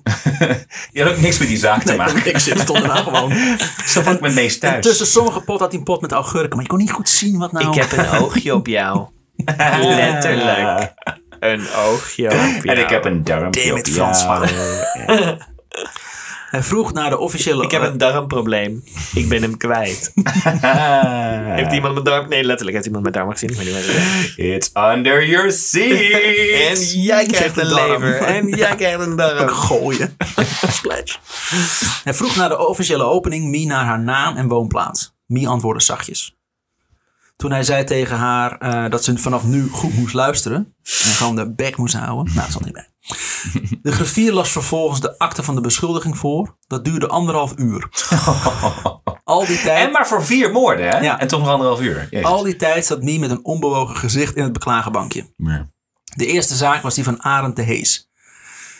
Pieter de Hees was nog steeds niet helemaal hersteld van de vergiftigingspoging en kwam op krukken de zaal binnen. Ik stel me ook voor dat ze de openbare aanklager voortdurend koffie aan het aanbieden is. Ja. Wil je koffie? Ik heb koffie. Wil je koffie? Ik heb hier een thuis een, ik heb thuis een lunch klaargemaakt. I want you to eat this cupcake. Eh, hij gloeit een beetje, dat klopt. Maakt niet uit. En geeft licht in het don- donker. Maar dat geeft niet. Kun je makkelijk vinden. Wil je mijn geel-rode koffie drinken? Kijk, Zo'n radiation, ja.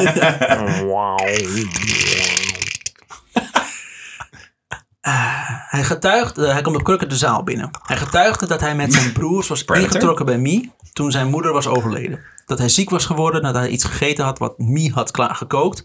En dat Arend en Willem gezonde jonge mannen waren. Dus er was niet een reden dat ze ziek zouden worden. Nee. Niet plots ziek in ieder geval. Ook zegt hij dat hij niets van de begrafenisgelden heeft gezien. Gek. Toen meester François aan Mie vroeg of ze nog iets eh, had om toe te voegen, antwoordde ze, quote, Edelachtbare, ik heb hem al het nodige gegeven. Ja. ja. Waarop meester François Het zei, no- nodig waarvoor? Ze heeft hem al het nodige gegeven. Ja? Dit is stilte was de langste stilte die Ja. ik ooit heb meegemaakt. ik begrijp niet wat de vraag was. Waarop Zij- meester François zegt, quote, laat dat Edelachtbare maar weg, het nodige heb je hem zeker gegeven. Dat was dus de, de voorzitter van de rechtbank. Ja, zo'n fuck Lekker, om, lekker onpartijdig. Ja. Laat dat ene lach maar weg. Ja. ja. Fucking Nou, hoer. Hij weet het al. Snollaria. Hij Ja, hij weet het al, maar dat kan je toch niet, dat kan toch niet? Nee, Dat nee, niet professioneel. Maar goed, alles in die tijd was Ja. niet echt Ja. professioneel. De tweede getuige was Abraham Bij, een 18-jarige buurjongen. Verklaarde dat hij een keer ruzie had gehad met Mie. En dat zij toen al zijn kip had vergiftigd. Ook En die kutkippen die kun je ook krijgen. heb, je, heb je kinderen? Nee, dan, dan die kutkippen dan maar. Ja. Eh, ook viel het hem op dat Mie nogal onverschillig op de vele doden in de omgeving had gereageerd. Zo heerste er Ja, nooit... no shit Sherlock. Ja, hij heeft één keer de was opgehangen in de regen. Eh, Ze had het maar, moeilijk. maar ook, jij, jij Ja. vroeg ook van waarom heeft niemand het door? Maar iedereen had het dus door. Want het, was, het waren allemaal individuen die vroegen, wat is dat een rare reactie? Ik ga het hier vervolgens met niemand over hebben. Ja. Het zal wel. Ik ga hier niks van zeggen. Ja, dat zal ze leren. Maar zo heerste er nooit verdriet in het huis, maar werd er juist feest gevierd nadat er iemand was overleden. Ja, geld. Hatsa. Professor Teun de Zaaier kwam aan het eh, woord. Hij gaf een korte uitleg over arsenicum. Dat een hoeveelheid van 150 à 200 milligram genoeg was om iemand te doden.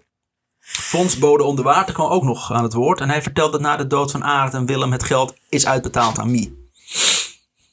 Toen vroeg de voorzitter aan Mie... eh, of, nee, toen vroeg de voorzitter of Mie Arend had vergiftigd met het doel om het verzekeringsgeld op te eisen. Ja, wat was het doel? Dat, dat was mijn vraag. Mie aarzelde en antwoordde uiteindelijk met, quote, niet met het doel. Ik was, te, ik was suf, ik kan het niet goed zeggen. Godverdomme. Het was meer een hobby. Dat is meer, Ik ja. deed het voor de liefde Het was, het was niet het doel, het was een mooie bijkomstigheid. Het was een soort van expressie van mezelf. Ja. Het is, ik, ja, doe het voor de Dit is kunst. kunst. Oh, maar dan is onschuldig. Oh, ga maar. Toen veranderde ze haar naam in Margrethe Zelle.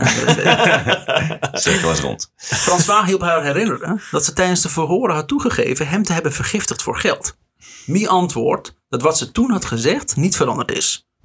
Ze geeft dus eigenlijk hiermee aan dat Ja. ze, Ja. dat ze Nee, ja, voor ik, geld. kan niet, Ja. ik kan niet precies zeggen. Nee, nee, ik heb het niet. eh, ik, nee, ik, kan het niet zeggen Ik kan het niet zeggen. Eh, maar dat, je zei toen dat, je- dat dat wel zo was. Oh, ja, dat ja, dat. klopt. en, Ja, dat, en dat, daar hou ik het ook bij. Maar ik, verder kan ik er niks over Ik zeggen. zei toen woorden die waar waren. Ja. Maar wat vind, maar kun je het nog een keer herhalen? Ik ben te sof, suf en te dronken om daar nog eh, iets aan toe te voegen. Ik kan het niet zeggen. Toen Ik, wel. ik kan er niks aan toevoegen. Dat is grappig, want ik voegde juist heel veel dingen toe. ja, niemand in de zaal? Niemand? Nou, nee. Het publiek. Ja, top audience. Is this thing on? Don't forget to tip your waitress. Ook bekend ze de moord op Susanne Abe. Hier had ze geen doel voor ogen. Ze was dronken en wist niet wat ze deed. Ze heeft ook geen geldmotief daarin. Dat bepaalt de rechter wel, antwoordt meester François.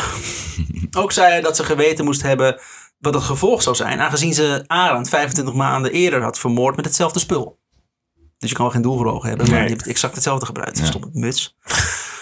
En dat ze vervolgens geen eh, hoer had gedaan om het kind te redden. ze was niet eens een dokter gaan halen.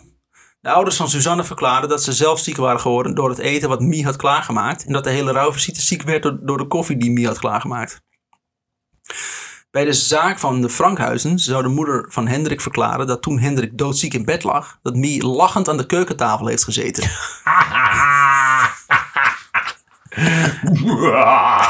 Ja, zo. En ze, en ze aaide een witte kat die op haar schoot zat. Ja, inderdaad.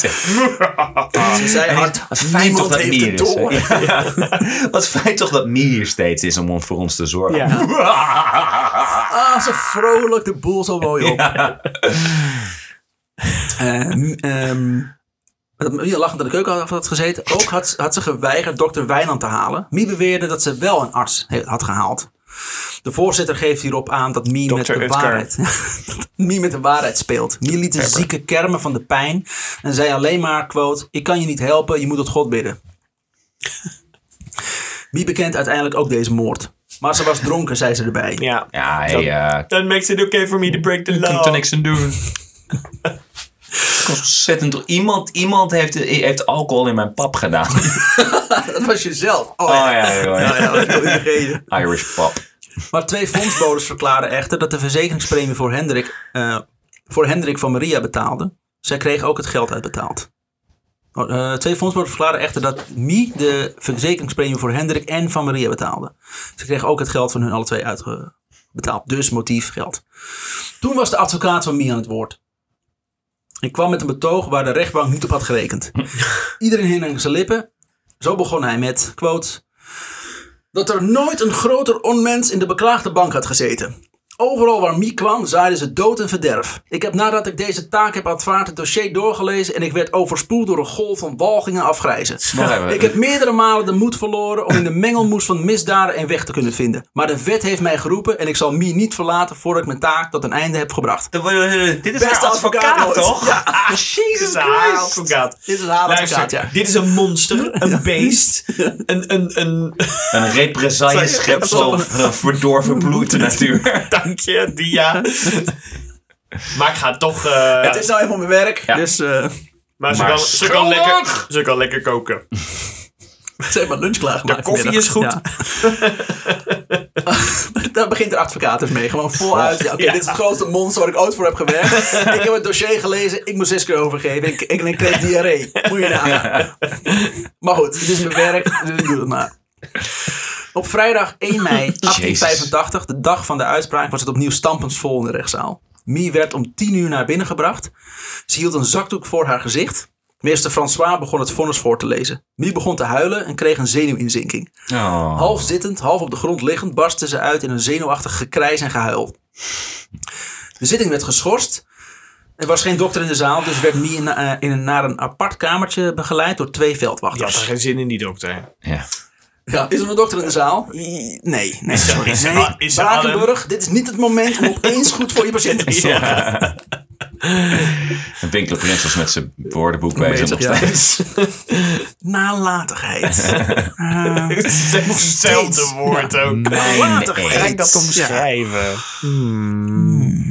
Medeplichtigheid. Oh, weer moeilijk. Lang.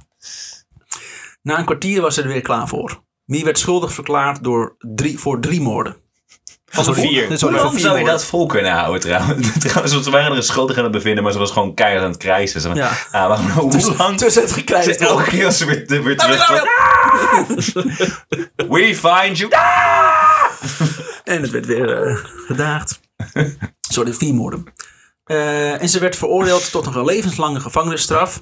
Doodstraf was in 1870 afgeschaft in Nederland. Maar na de zaak eh, van Mie begon men zich af te vragen of de doodstraf niet een comeback moest maken. Zo. Ja. Dagblad De Tijd schreef dat het stuitend was dat dit monster door de maatschappij levenslang gevoed, onderhouden en beschermd zou worden. Zei je nou de Telegraaf? Of, eh? De Tijd. Nou, Dagblad De Tijd. nou, het klinkt als de Telegraaf. Ja, maar het is, het is Dagblad De Tijd. Dagblad De Tijd. Maar weet je het zeker? Ja, ik weet het zeker. Ook Tim trekt het in twijfel. Ja, nou, het is al best, maar het is Tijd. Ook al is hij veroordeeld voor, drie moor- oh, sorry, voor vier moorden. Naar alle waarschijnlijkheid heeft Mie in totaal 65 mensen vergiftigd. Zo. Maar, en 65 doden? Waarvan er 23 zijn overleden. Bij 14 heeft ze het begrafenisgeld opgestreken. Dus 9 mensen hebben gewoon zinloos vermoord. Ja. Gewoon dat zin oefenen. Ja. Ja. Je kan niet gelijk zomaar Ja. gaan Nee, maar je, moorden, moet, je Remy. moet het warm houden. Je moet het warm houden. 75 milligram. eh, Je moet toch het juiste balans Ja. vinden. op 11 april 1915 overlijdt eh, Mie op 74-jarige leeftijd. 1915. Hè, dus niet, oh nee, geen, niet de doodstraf, want dat was afgeschaft. Ja. Ze heeft ruim 30 jaar van haar leven in gevangenschap geleefd. En stond bekend als een rustige, lieve vrouw. Oh, dat is echt heel eng. Bij haar begrafenis was de commissaris van de Leidse politie aanwezig. Die wilde zeker weten dat ze in de grond werd gestopt. Ja. Hij was de enige die aanwezig was bij de gra- begrafenis. Ja, Rondom Mie is heel wat mythevorming ontstaan. mythe. Want als men een, een financieel slaatje uit kan slaan, dan doet, het, dan, dan, dan doet men dat natuurlijk. Kranten in binnen- en buitenland eh, stonden eh, vol met sensationele verhalen over Mie en, haar, en de zaken werden daarin regelmatig flink aangedikt. De akte van beschuldiging lekte uit en verscheen in boekvorm. Er kwamen getekende pamfletten op de markt, waarin per kader de episodes van de moorden van Mie stonden afgebeeld. Voor het proces überhaupt begonnen was, stonden er, bestonden er al drie liedjes over Mie. Ook was, stond er een wassen beeld in het Nederlandse pan, pan, eh, Panopticum. Dit is een eh, museum dat had naast beroemdheden ook een gruwelkamer. Dat is een wassen beeldmuseum in Amsterdam. Waarin je na een extra betaling naar binnen mocht. Dus je was al in het museum en voor de gruwelkamer moest je extra. Maar Nou, dan- maar daar dan- stonden allemaal eh Nederlandse Schoon Dungeon criminelen. en Madame Tussauds. Ja, ja. is dungeon. zo. De microsoep komt er vandaan. Niet zo soep. He's Jack the Ehm, Ripper en he's uh, Nou, op 19 hashtag maart me too. 1884 werd daar een beeld van de nog niet veroordeelde Mie geplaatst. Mie heeft hier tot de sluiting van het museum in 1919 gestaan. Dus vier jaar na de dood. Ook was er een, een kermisexploitant die met een rariteitenkabinet door het land trok. In zijn panorama hing een portret van Mie. Ah, Naast de historische Mie, waar iedereen van walgde, ontstond er dus ook een mythologische Mie. Eentje over wie er in cafés gezellige liedjes gezongen werd. Een monster bij wie je op de kermis lekker kon gruwelen. Dit gebeurde niet alleen bij Mie, maar bij meer criminelen uit die periode. Ja. Bijvoorbeeld Hendrik Jut of Jantje Struik. Of zoals in Engeland met Jack the Ripper. Ik wou het Ja. zeggen, want Jack the Ripper was 88, volgens mij 1888. In die tijd ongeveer. Dit gaat overigens vandaag de dag nog steeds door. In Ja. 1988 kwam er een goede Mie bier op de markt. Ah, In de Goede tweede Mie? goede Mie bier. Die bestaat. ah, nog steeds, ja. Nog steeds, ja. Ah, In 2018 kwam er een goede Mie. extra schuim. In 2018 kwam er een goede Mie gin op de markt. God damn. Op het label staat arsenicumvrij. Oh nee! Oh. Oh jezus, wat een verhaal joh. Ook Ah. is er een goede Mie bagel. een goede Mie escape room. Goeie, goeie meat bagels. Zo, net, zo, Oh. net zoveel gaten als haar verhaal. Maar er is een goede meer escape room. Ja. Dit gaan we doen. Ja. ja. daar wil ik eigenlijk En wel kun je- inleiden. Kun je een goede Mie wandeling maken. Ook staat ze in het Guinness Book of Records als grootste gifmengster aller tijden. Ja. Shit. Waarom, Jezus. waarom goede mie? Waar is dat vandaan gekomen? Nou ja, omdat ze dus in de eerste instantie voor de buurt zochten. Dus, Dus- mensen dus was vertrouwden wel- haar. Ze was een soort Ja. van, van moedertje voor de buurt. En mensen waren ziek. Dus zij Ja, moeder kwam wel even rood, warme, lauwe pap brengen. Ja. En koude pap die heet smaakt. Ja. Mm. Pittig, dat is de peper. Dan moet je nagaan dat als je dat, dat nu bijvoorbeeld Rine Bantagje in, eh, nog niet moet berecht moet worden, dat we allemaal leuke liedjes over hem gaan schrijven. Ja. En dat er over 100 jaar een Rine Bantagje bagel op de markt is. Ja. Nou, het is, ja, het is met Jack the Ripper toch net zo. Ik bedoel, het wordt wel nog steeds een soort maar van het Maar het is ook entertainment. Maar die vrouw heeft gewoon kinderen vermoord. Ja. En je hebt ook een website, je moet maar kijken als jullie er klaar zijn. Je hebt een goede me, sowieso gin.com website. Daar staat ook bij de beroemdste gifmengster van de Leiden. En eh, Yeah. want ook heel vrolijk en zo. La, la, Ja. la. Maar Ah, damn ja, it. goede mie bier, goede mie eh, gin. En dat, maar dan, Ja, sorry, ik kan daar dan met mijn hoofd niet bij. Doe Ja, maar ik eh, snap dat drie niet. Corona's en twee John Wayne Gacy's. Dankjewel. Ja. Ik kan er niet bij omdat ik al die gruwelijke details heb verteld. En dan denk je, hoe kun je hier in godsnaam... eh, Ja, maar dan vraag Ja, je me zo'n mensen mensen mensen kennen maken. deze details Nee. niet. Nu wel. Dus Ja. succes met je gin. Ja. en daarmee sluiten we deze Je moet ze ook wel echt taggen als je dit post. Ja, Zo ga ik ook doen. Hashtag, ga dit luisteren, want Gesponsord door. Ja. We zijn weer een sponsor kwijt, Tim. Ik hoop dat ze, als ze het goed vinden, dan drinken wij hun gin op de volgende podcast. Dan moeten ze het Ja. niet meer opsturen. Ja. Ja, ik zal ze op Facebook benaderen. Fucking hell. Oh, hey. Zij zijn de kool. Well done. Well done. Dit is het zwartste verhaal tot nu toe, geloof Ja, ik. ik heb met genot deze geschreven. Ik heb met vervolging geluisterd. Ja, dames en heren. Ik denk dat er ook een waarschuwing van tevoren komt. Mocht u na deze podcast zich nou een beetje misselijk voelen, eh, diarree hebben, eh, een branderig gevoel achter in de keel, eh, Dan komt het omdat je net anderhalf uur naar Remy hebt zitten luisteren. ja, voor zeker geen dokter bellen. Ja. Ik begrijp mijn vrouw ook steeds beter. Nou, tot volgende week. Het was mij een genot om dit te vertellen aan u. Dag, dag.